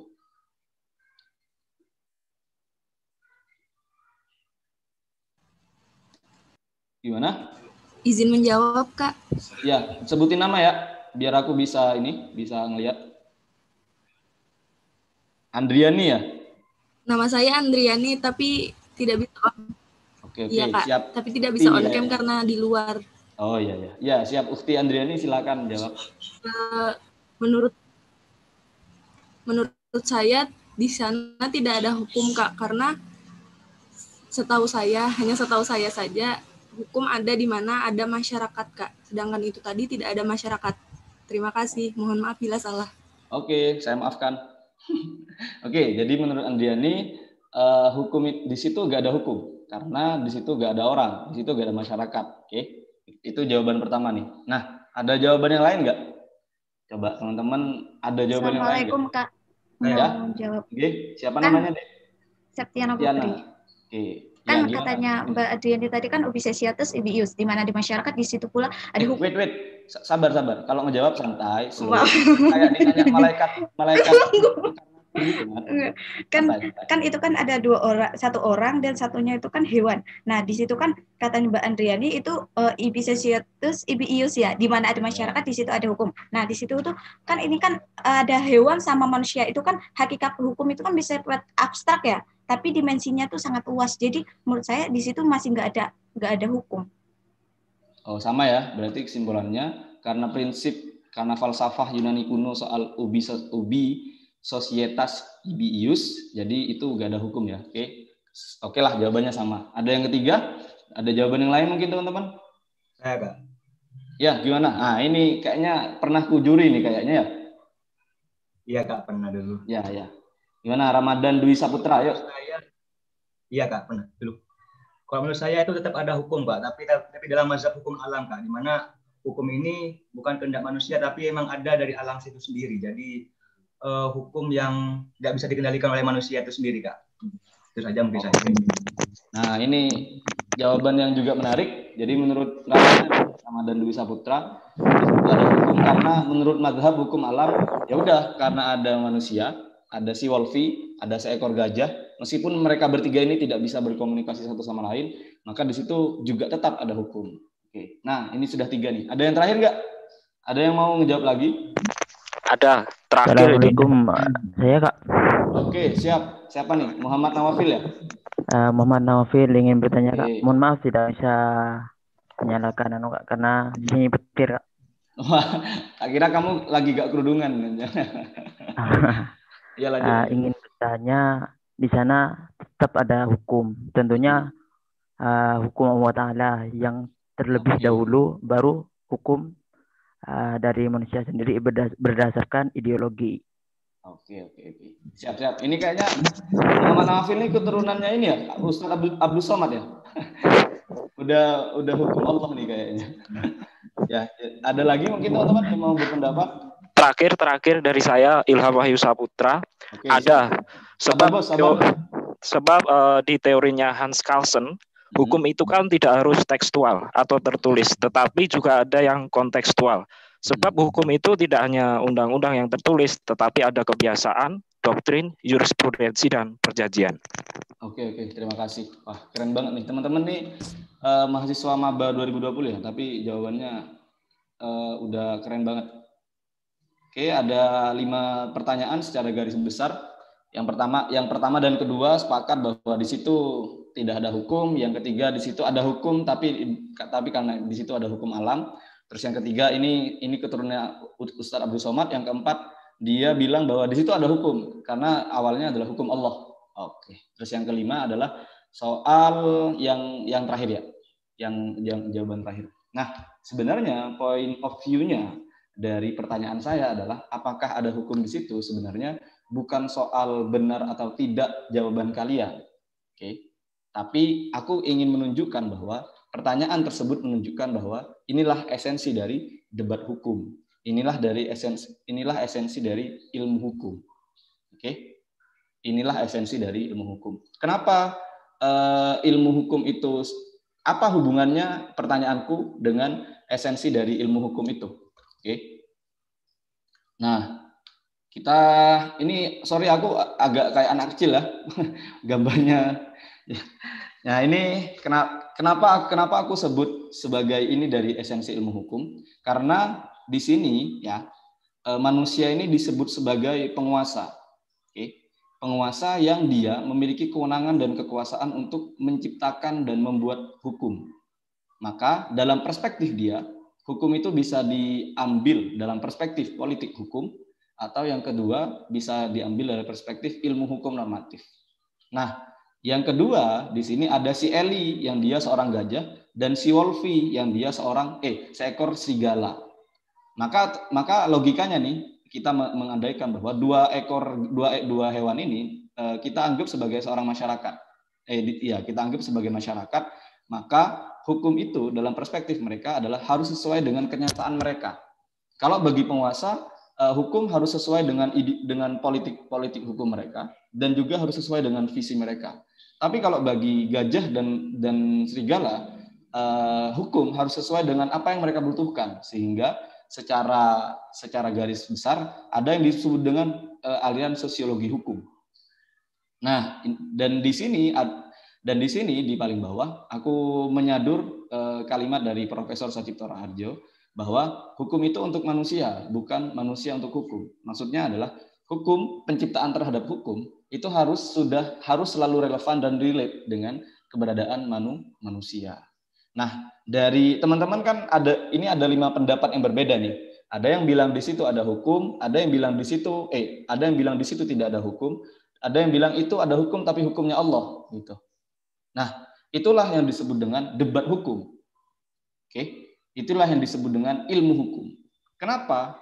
Karena di dalam ilmu hukum, karena di dalam debat hukum tidak ada istilah benar atau salah. Tapi di dalam ilmu hukum benar atau salah itu ditentukan oleh suatu kesepakatan atau resultant atau resultante. Oke. Jadi hukum itu e, sama dengan resultante atau resultant atau kesepakatan. Kenapa disebut kesepakatan? Karena setiap kesepakatan setiap kesepakatan apa pun yang ditentukan oleh penguasa negara, maka itulah yang disebut dengan hukum. Baik menurut masyarakat itu salah atau benar itu whatever. Tapi apa yang disepakati oleh negara itu itulah yang disebut hukum. Contohnya ya, contohnya isu tahun 2019 kemarin soal independensi KPK yang ada di bawah pemerintah. Di, di sebelumnya KPK tidak berada di bawah pemerintah karena dia independen. Waktu itu pemahaman seperti itu disebut benar secara hukum. Tapi kemudian diubah oleh pemerintah beserta DPR, KPK berada di bawah pemerintah sehingga dia tidak lagi independen dan itu mereka juga anggap benar meskipun masyarakat tidak setuju. Kayak gitu. Nah, itulah yang disebut dengan esensi ilmu hukum. Nah, debat hukum juga mirip seperti itu. Debat hukum itu sebenarnya esensinya adalah bukan mencari siapa yang salah, bukan mencari siapa yang benar, tapi debat hukum itu adalah memahamkan orang yang yang sebenarnya tidak sepaham dengan kita. Meyakinkan bahwa pendapat kita itu lebih baik daripada pendapat mereka. Kayak gitu. Bukan bukan tujuannya untuk meyakinkan pendapat kita lebih benar dari pendapat orang lain. Nggak bisa. Kita tidak bisa mengukur dan kebenaran dari pendapat kita sendiri gitu.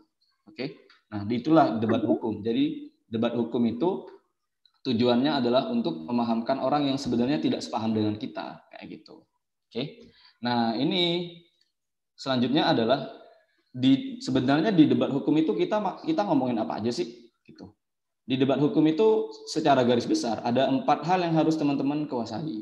Oke. Yang pertama adalah landasan filosofis.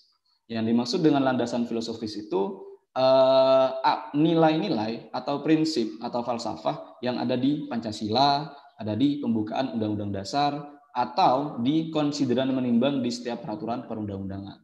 Kayak gitu. Terus yang kedua, eh, ada yang disebut dengan landasan normatif Landasan normatif itu apa? Landasan normatif itu didapat dari setiap interpretasi terhadap peraturan perundang-undangan.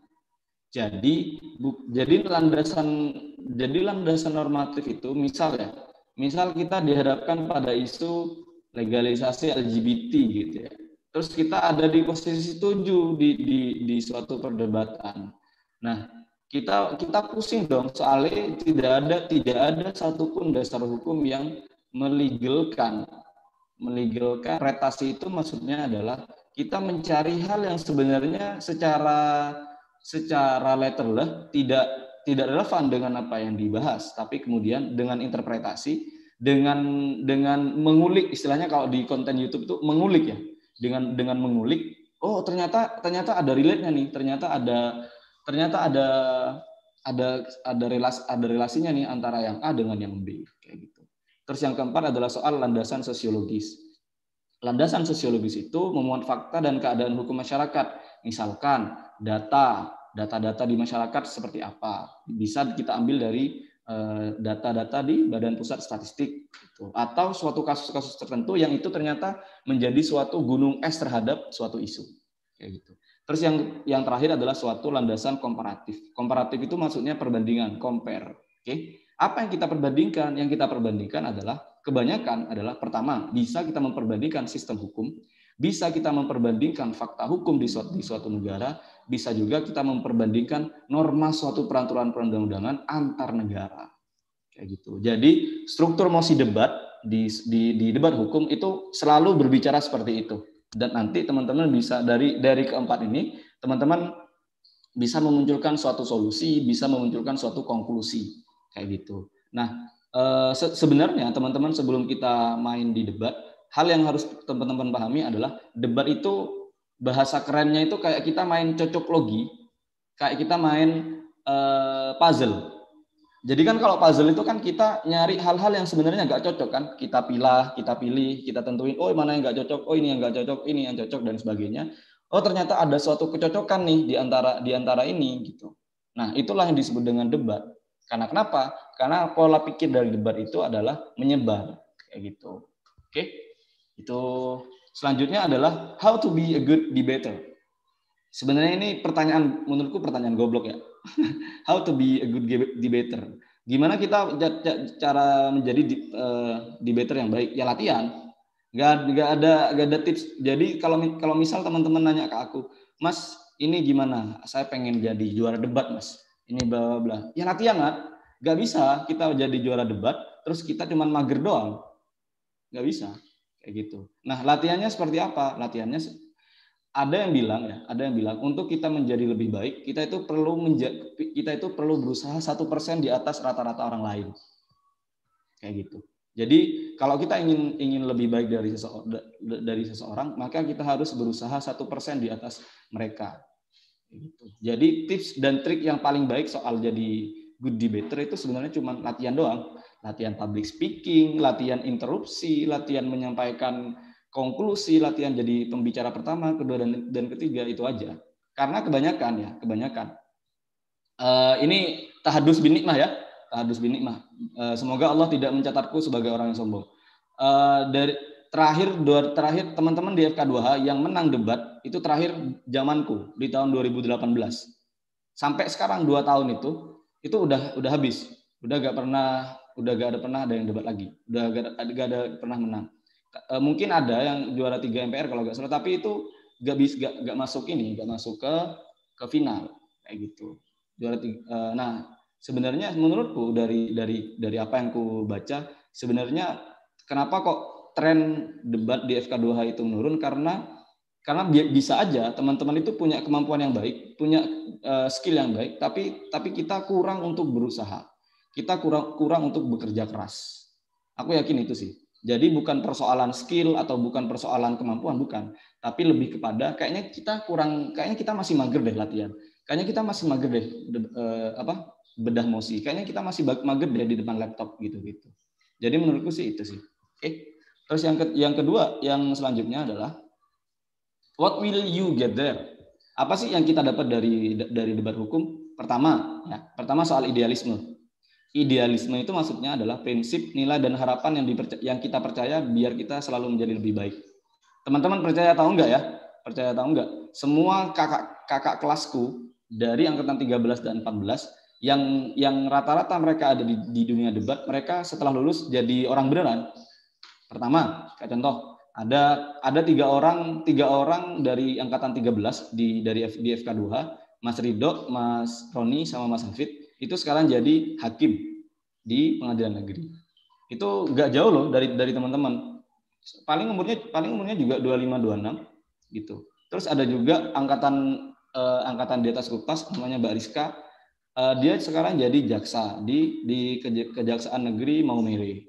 Ada juga Eko sama Indra, Indra Mayu itu itu, itu jadi wardi penerima LPDP di UI sama di UNER gitu-gitu.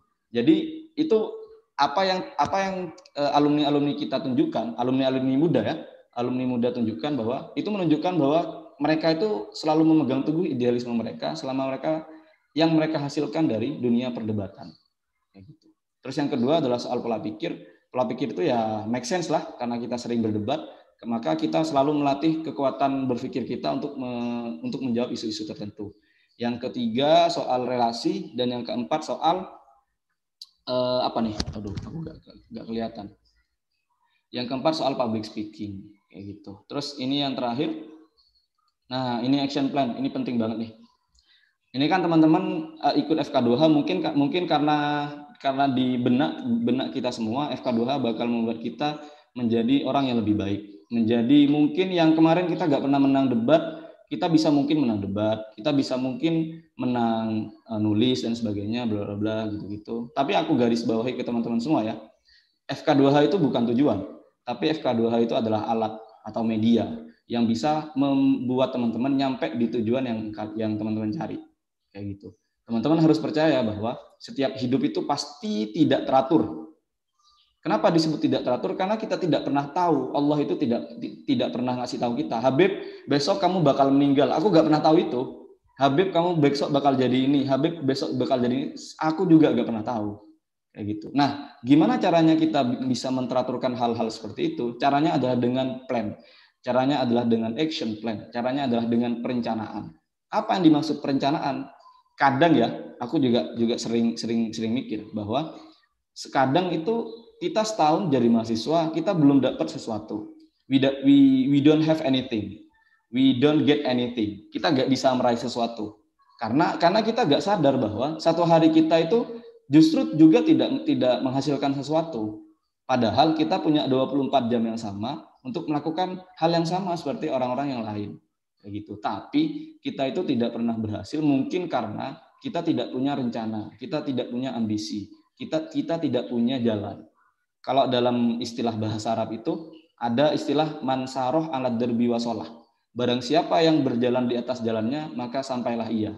Oke, kadang ya, kadang kita itu gagal karena tiga hal. Yang pertama, kita itu sudah tahu jalannya, tapi kita tidak pernah tahu tujuannya apa, sehingga kita nggak tahu kapan harus berhenti, kapan harus istirahat, dan kapan harus melanjutkan perjalanan.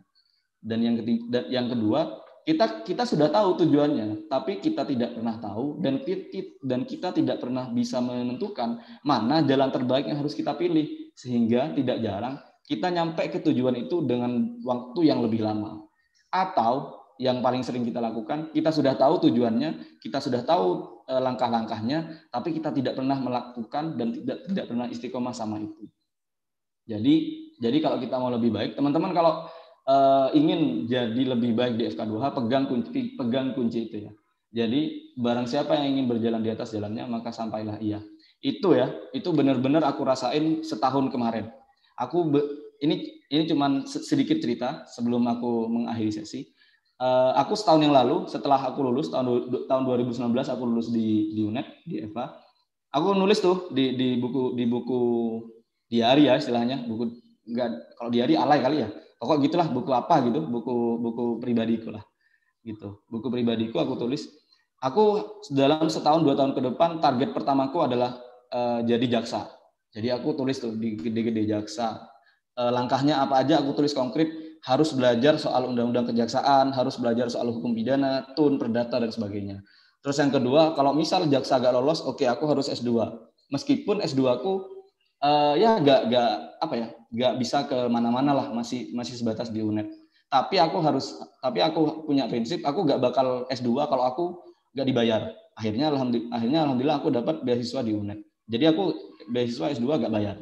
Nah, seret aku tulis seret, dan kemudian dan aku gak sadar tahun dua bulan bulan Oktober eh bulan Oktober kemarin 2020 alhamdulillah entah entah Allah ngasih kekuatan buatku Eh, alhamdulillah semua hal-hal yang ku catat di buku-bukuku itu itu entah kenapa Allah mewujudkan itu.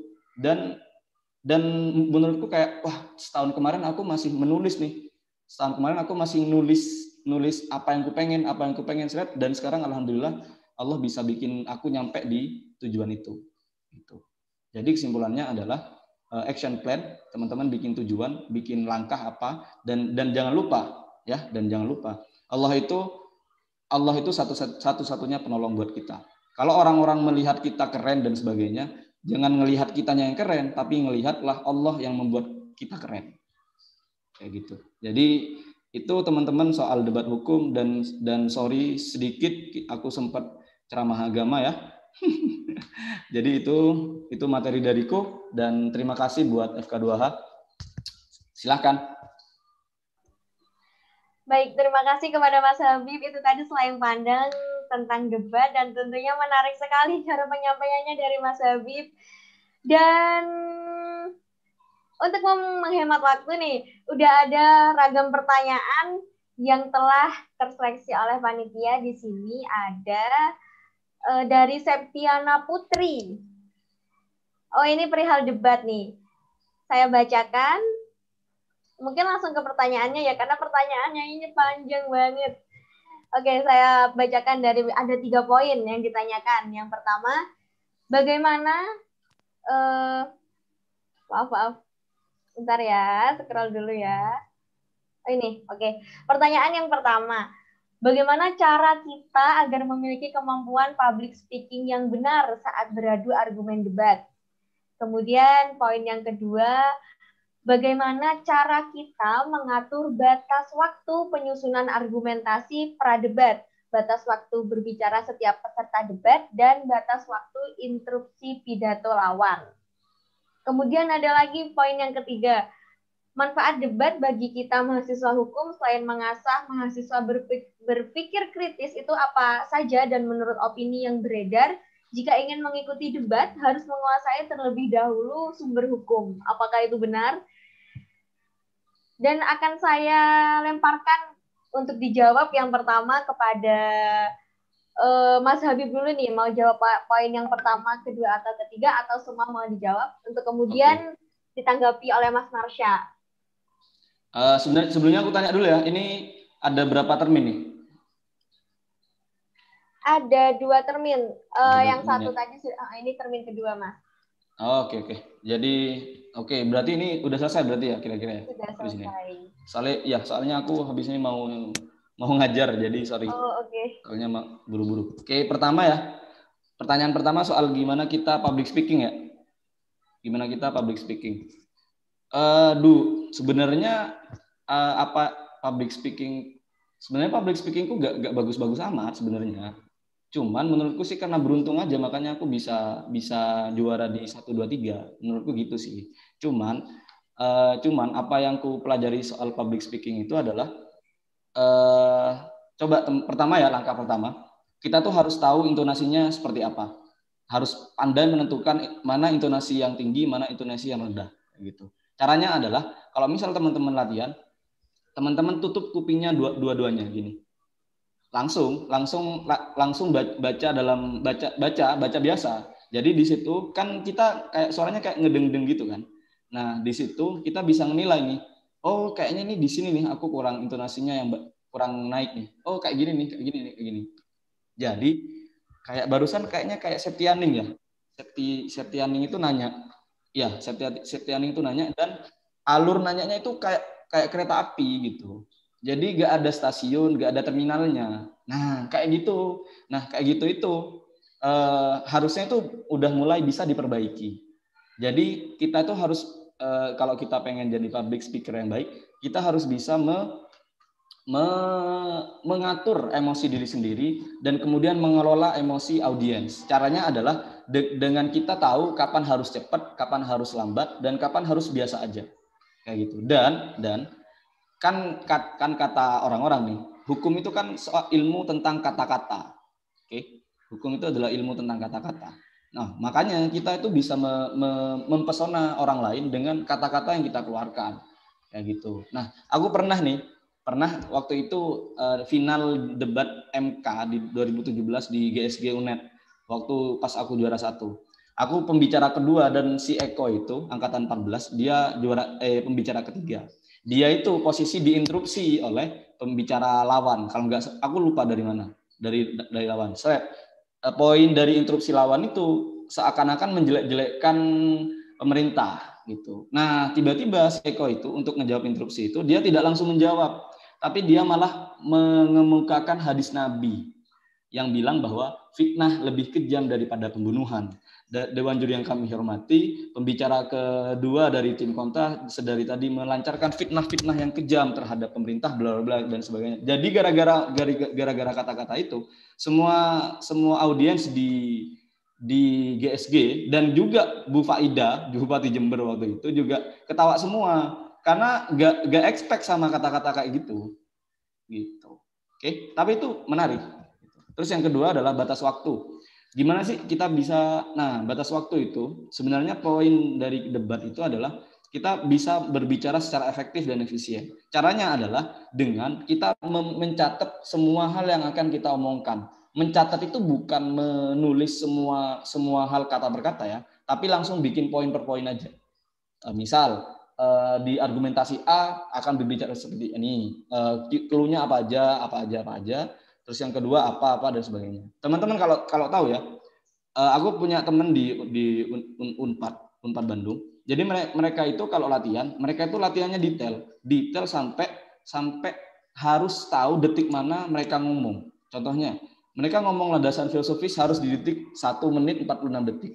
Landasan normatif harus di menit 2, 2 menit 56 detik.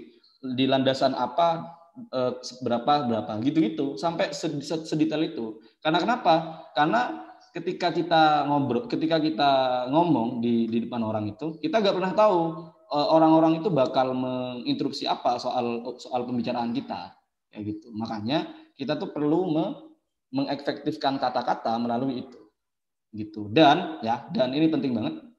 Aku kemarin sempat ngejuri debat, ngejuri debat di FK2H juga dan angkatan 2020 juga yang pesertanya. Nah, itu ada satu peserta yang kayaknya semua orang ketawa nih ketika aku ngerosting itu. Jadi ada satu peserta yang bilang gini, gak bisa dong, gini dong, gak bisa dong. Nah, gitu-gitu. Serius ada yang kayak gitu. Nah, kata-kata kayak gitu itu jangan jangan diucapkan ketika berdebat karena debat itu pakai bahasa baku gitu. Jadi nggak bisa dong ini dong dan sebagainya. Pokok ada ada kata-kata dong lah. Ya jangan di, diucapkan karena debat itu bukan rumpi. Bukan nyepik nyepik oke? Okay? kayak gitu. Terus soal manfaat debat ya. Manfaat debat sih menurutku uh, apa yo kalau kita gak kalau kita gak niat sama debat kita gak dapat manfaat. Intinya itu. Jadi semua hal itu semua hal baik itu pasti ada manfaatnya. Baik nulis atau atau debat ya gitu. Tapi hal konkret yang aku rasain soal debat itu adalah cara berpikir, nalar kritis. Itu benar-benar aku rasain. Cobalah teman-teman nanti uh, yang yang yang kebiasaan berdebat, eh yang kebiasaan ikut lomba debat sama yang yang ya bakal bakal tahu nih, bakal bisa tahu mana mana yang harus dikritisi dengan benar kayak gitu. Jadi sebenarnya debat itu bukan bukan bukan seperti debat kusil tapi debat itu mengkritisi dengan baik uh, omongan detail dari masing-masing orang. Tanpa tanpa tanpa bermaksud menjatuhkan orang lain. Kayak gitu. Jadi jadi bukan berarti orang yang kayak bukan berarti orang yang selalu ikut debat itu orangnya banyak omong terus banyak bacot apa dan sebagainya. Enggak. Tapi mereka itu tahu kapan harus ngomong dan kapan harus berbicara dengan baik dan etis. Kayak gitu. Oke? Jadi Eh, selain itu manfaat debat hukum itu relasi. Dan yang kedua soal ya itu tadi apa ya hmm, pengetahuan lah. Pengetahuannya benar-benar benar-benar pengetahuan soal hukum benar-benar benar-benar bisa dalam lah gitu-gitu. Teman-teman nanti yang di FK2H karena karena entah uh, barakallah ya alumni alumni FK2H itu uh, rata-rata alhamdulillah selalu ada di profesi hukum. Ya gitu baik sebagai baik sebagai abdi negara maupun sebagai advokat publik dan sebagainya kayak gitu. Nah itu menunjukkan bahwa pola pikir dan mindset hukum di FK2H itu sudah berjalan dengan baik sebenarnya. Kayak gitu. Ya, jadi tinggal teman-teman tinggal teman-teman ngelanjutin. Oke. Jadi misal kita melihat senior kita jadi hakim, jadi jaksa dan sebagainya. Tidak tidak berarti kita ketika tidak jadi jaksa dan hakim kita tidak bisa dibilang sukses enggak. Tapi yang yang terpenting adalah ketika kita disebut sukses itu adalah ketika kita selalu berkembang setiap hari, tidak stagnan di setiap harinya. Kan kata kan kata Rasul, orang yang paling beruntung itu adalah orang yang hari ini lebih baik dari hari yang kemarin dan mereka yang rugi adalah orang yang uh, hari ini lebih buruk dari hari kemarin. Jadi uh, untuk jadi kita tidak perlu bersaing dengan orang, kita tidak perlu melihat orang untuk untuk untuk mengambil tempat itu, tapi kita pasti punya tempat terbaik untuk diri kita sendiri. Oke. Jadi itu Anisia aku pamit dulu ya, aku mau ngajar. Ya Mas, terima kasih Mas sudah meluangkan waktu. Oke, siap. Oke teman-teman, uh, itu tadi pertanyaan dari Septiana dan mungkin bisa langsung ditanggapi kembali oleh pemateri kita. Ada Mas Muhmarsha. Silakan Mas. Iya, uh, untuk pertanyaan yang pertama ya, bagaimana cara kita agar memiliki kemampuan public speaking yang benar saat beradu argumen debat? Uh, jadi kalau kata Mas Habib itu benar ya Mas Habib, saya saya uh, saya takzim sama Mas Habib karena Mas Habib salah satu coach saya di debat waktu dulu di debat UPH uh, eh, saya diajar sama Mas Habib dan Mas Habib adalah terakhir pemenang terakhir di debat nasional. Uh, saya waktu itu juara tiga dan itu nggak lolos di MPR dan beliau sudah sampai ke MPR. Namun saya, saya pertanyaan-pertanyaan tadi sudah dijawab dengan sempurna sama sama Mas Habib. Namun di sini saya akan menjawab bagaimana sih uh, beradu argumen debat menurut pengalaman saya ketika kemarin terakhir saya uh, beradu argumen dengan Dewan Juri di Majelis Pemusyawaratan Rakyat di kompetisi constitutional drafting perancangan Undang-Undang Dasar. Saat itu uh, ada Bli Jimmy, uh, beliau akademisi yang juga salah satu ahli di uh, Badan Pengajian Majelis Permusyawaratan Rakyat waktu itu, ya ini bagaimana sih biar uh, lancar gitu uh, public speaking dan beradu argumen dengan lawan gitu. Jadi intinya seperti ini, kalau kita misal dihantam dengan interupsi atau pertanyaan, otak kita itu usahakan menjawab, uh, meneliti ataupun menemukan satu kata kunci, satu kata kunci dari pertanyaan si lawan pasti adalah satu satu kata, satu kata kunci yang kemudian dari argumen lawan yang kemudian mengganjal dari diri kita. Nah, itulah yang pertama. Cari kata kuncinya gitu. Cari kata kuncinya. Agar apa? Agar langsung otak itu langsung merespon dengan cepat gitu. Kalau eh, kebiasaan ya, teman-teman dari awal-awal debate itu susahnya adalah ketika meribet teman lawan lawan berdebat gitu uh, akan uh, susah untuk menjawabnya gitu. Karena dia nggak menemukan kata kuncinya itu apa gitu. jadi waktu kita mendengarkan itu pikiran kita nggak usah ke mana-mana. Pegang pensil atau pulpen uh, dengarkan apa pertanyaannya cabut satu kata kunci aja. Satu satu kata kunci tulis garis bawah atau lingkari. Dan dari situ lebih mudah untuk kita uh, beradu argumen dalam debat gitu. Kemudian yang kedua, bagaimana cara kita mengatur batas waktu penyusunan argumentasi pradebat, batas waktu berbicara setiap peserta debat dan batas waktu interupsi pidato lawan. Nah, yang tadi kata Mas Habib itu juga juga benar. Ada spare-spare waktu yang kemudian kita kapan kita menginterupsi, kapan kita uh, ber, ber, berargumentasi gitu. Tapi yang saya, saya ingin tambahkan itu uh, kita tuh kita tulis dulu gitu. Tulis bagaimana argumentasi debat itu sendiri disampaikan. Bagaimana interupsi itu sendiri disampaikan. Jadi interupsi itu sendiri kalau teman-teman yang kemarin debat maba gitu yang sudah berdebat kemarin itu adalah uh, argumen interupsi-interupsi. Itu jangan ditulis ketika kita mulai berdebat gitu. tapi interupsi itu sendiri sudah ditulis sejak kita akan berdebat gitu. Jadi kita sudah nebak-nebak dulu tim lawan itu akan eh, tim lawan itu akan membawa kenapa? Setidaknya kita sudah merebak gitu. Artinya apa? Sebelum kita berdebat kan sudah di spare tuh mana yang pro mana yang kontra. Nah di situ kita kita setidaknya sudah menebak jawab eh, tim pro tim pro itu akan membawa apa, tim kontra akan membawa apa. Nah di situlah kita tulis dulu interupsinya apa. Kemudian uh, interupsi itu sendiri yang harus uh, diperhatikan adalah bagaimana dia timing untuk menginterupsi gitu. Jangan kemudian langsung di, dilempar dari awal gitu, dari menit-menit awal. Kemudian ketika sudah habis, tiga interupsi sudah habis, tim lawan sudah seenaknya gitu. Waktunya sudah lebih panjang karena interupsi sudah habis. Jangan sampai kayak gitu. Interupsi-interupsi yang bagus gitu. Spare satu kan tiga biasanya. Uh, biasanya satu interupsi yang biasa itu untuk mengagetkan lawan taruh di pertama, kemudian dua interupsi terakhir itu taruh di terakhir. Kemudian pertanyaan yang terakhir adalah manfaat debat bagi bagi kita itu apa aja sih? Jadi gini, yang yang dikatakan Mas Habib tadi sudah sempurna jawabannya. Namun kemudian yang ingin saya tambahkan adalah yang yang saya uh, dapat itu adalah bagaimana kita memandang dari sisi pro dan kontra sekaligus gitu. Dan itu yang kemudian sangat susah untuk dimiliki kita. Kadang kala atas egoisme subjektivitas kita, kita hanya dapat memandang dari satu sisi saja gitu. Tapi dengan berdebat kita bisa uh, memandang dari dua sisi gitu, pro dan kontra. Dan itu lebih dan itu bagus untuk uh, increase uh, upgrading SDM kita gitu. Yang kemudian yang kedua relasi kata Mas Habib itu benar relasi itu dari kompetisi itu penting. Yang yang yang kemudian yang, yang terakhir adalah ketika berdebat itu berbeda dengan nulis teman-teman.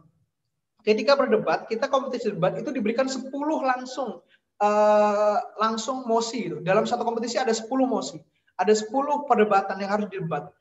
Dan itu menurutku sangat uh, berimpact pada diri kita ya. Jadi pengetahuan kita itu akan lebih luas, lebih loncat, loncat dan loncat dengan kita uh, mengikuti kompetisi debat dan mengkaji 10 isu hukum sekaligus dalam satu bulan itu. Itu sangat luar biasa menurutku untuk sebagai loncatan-loncatan perkembangan diri kita. Seperti itu.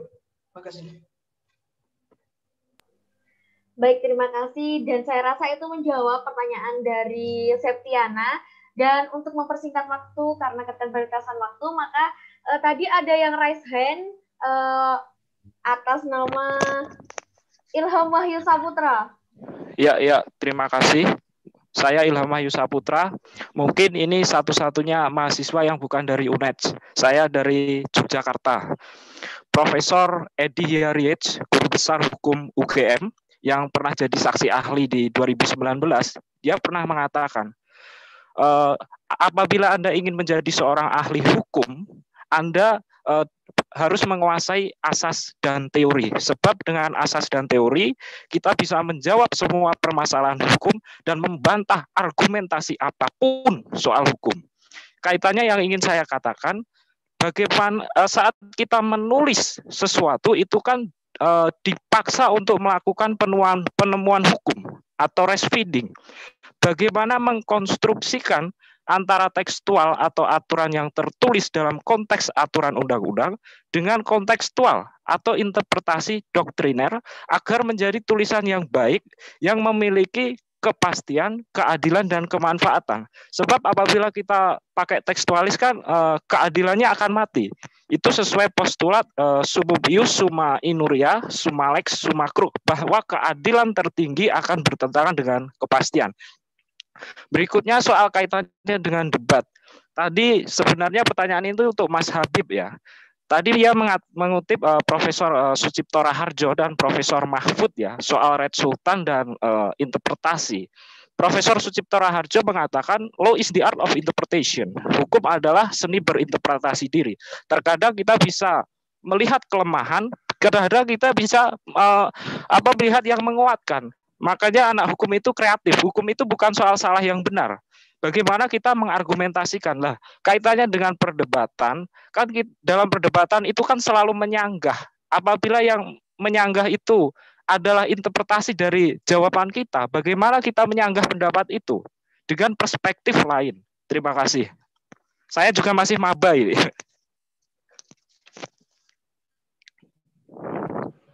Sudah, terima kasih, Pak. Oke baik, Ilham Wahyu Saputra, terima kasih. Mungkin Mas Marsha bisa langsung menanggapi karena ini perihal debat.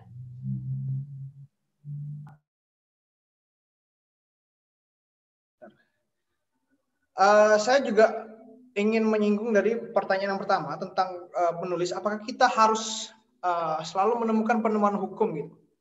Jadi seperti ini, dalam menulis itu juga ada sebuah uh, state of the art, ada pembeda antara tulisan yang sebelumnya dengan tulisan selanjutnya. Itulah yang kemudian harus uh, kita pegang dalam dalam dalam menulis itu ya. Terkait dengan kita uh, apakah nantinya akan menemukan suatu uh, penemuan hukum di sana itu relatif gitu.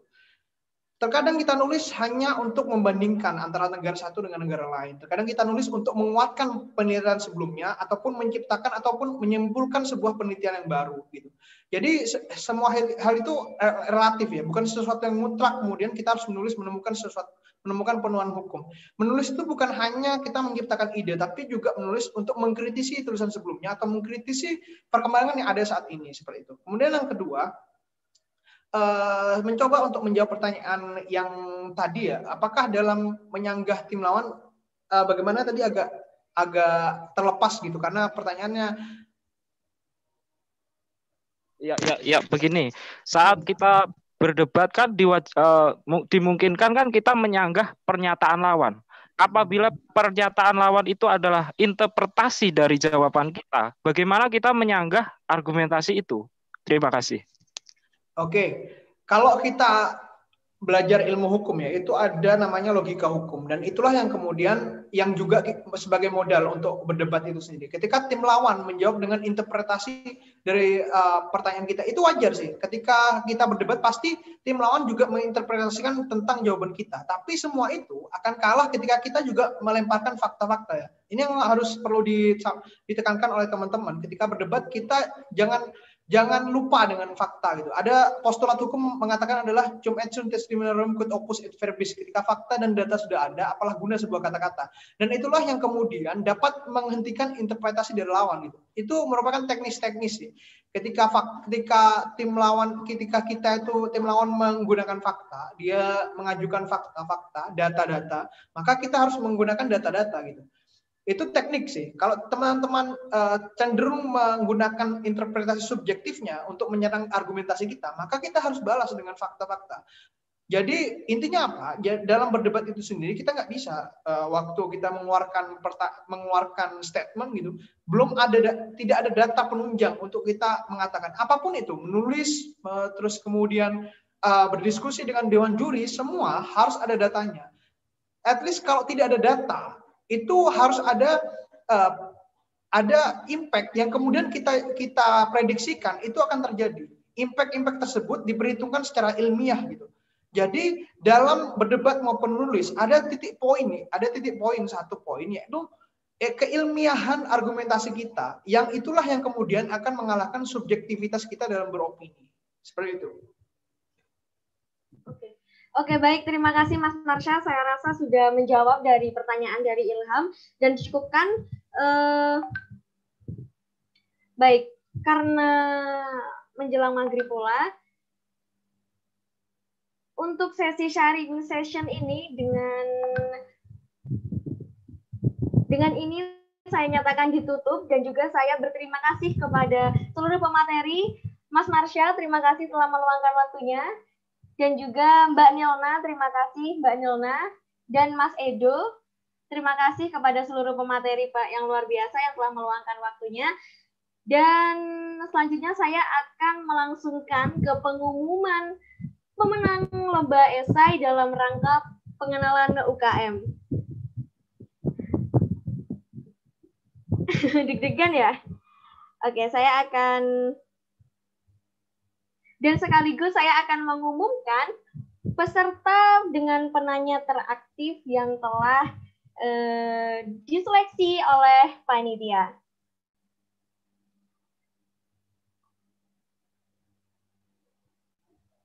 Baik, saya mulai dari pemenang juara esai.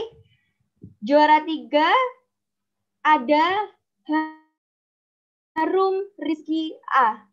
Harum, ada Harum? Bisa matikan kamera? Uh, ada, Kak. Oh, baik, selamat Harum. Terima kasih, Kak. Dan untuk uh, juara yang kedua,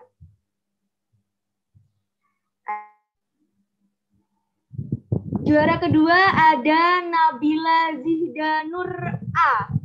Nabila Zida selamat bisa mengaktifkan kamera supaya teman-temannya tahu. Mana nih Nabila nih?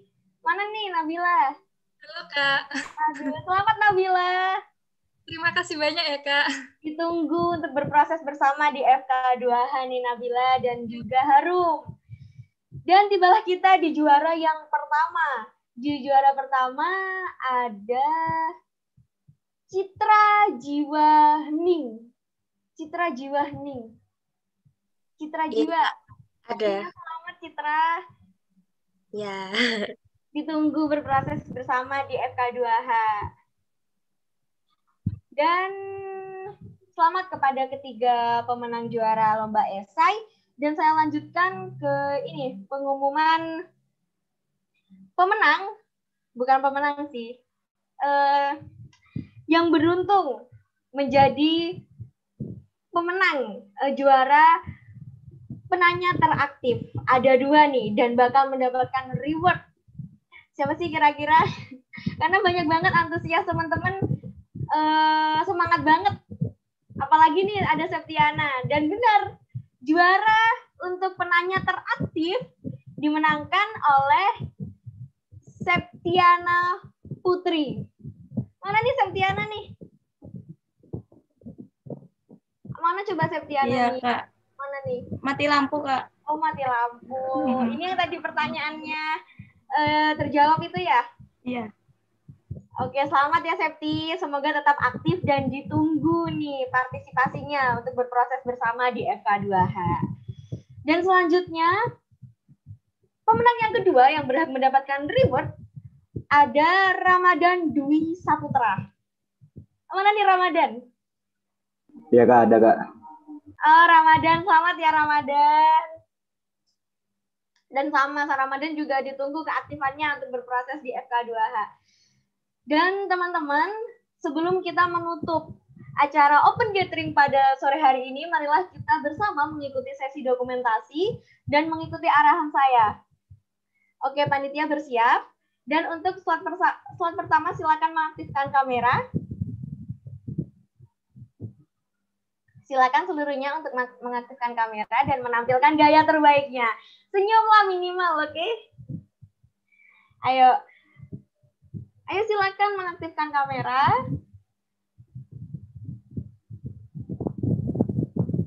Oke, 5.30. 5.30 ambil gambar ya. Masih ada nih. Ayo panitia juga aktifkan kamera yuk. Oke, bisa kita mulai ya. Dalam hitungan ketiga, slot pertama silakan menampilkan gaya terbaiknya. Satu, dua, tiga. Baik, terima kasih. Lalu untuk slot kedua, silakan mengaktifkan kamera teman-teman. Silakan mengaktifkan kamera.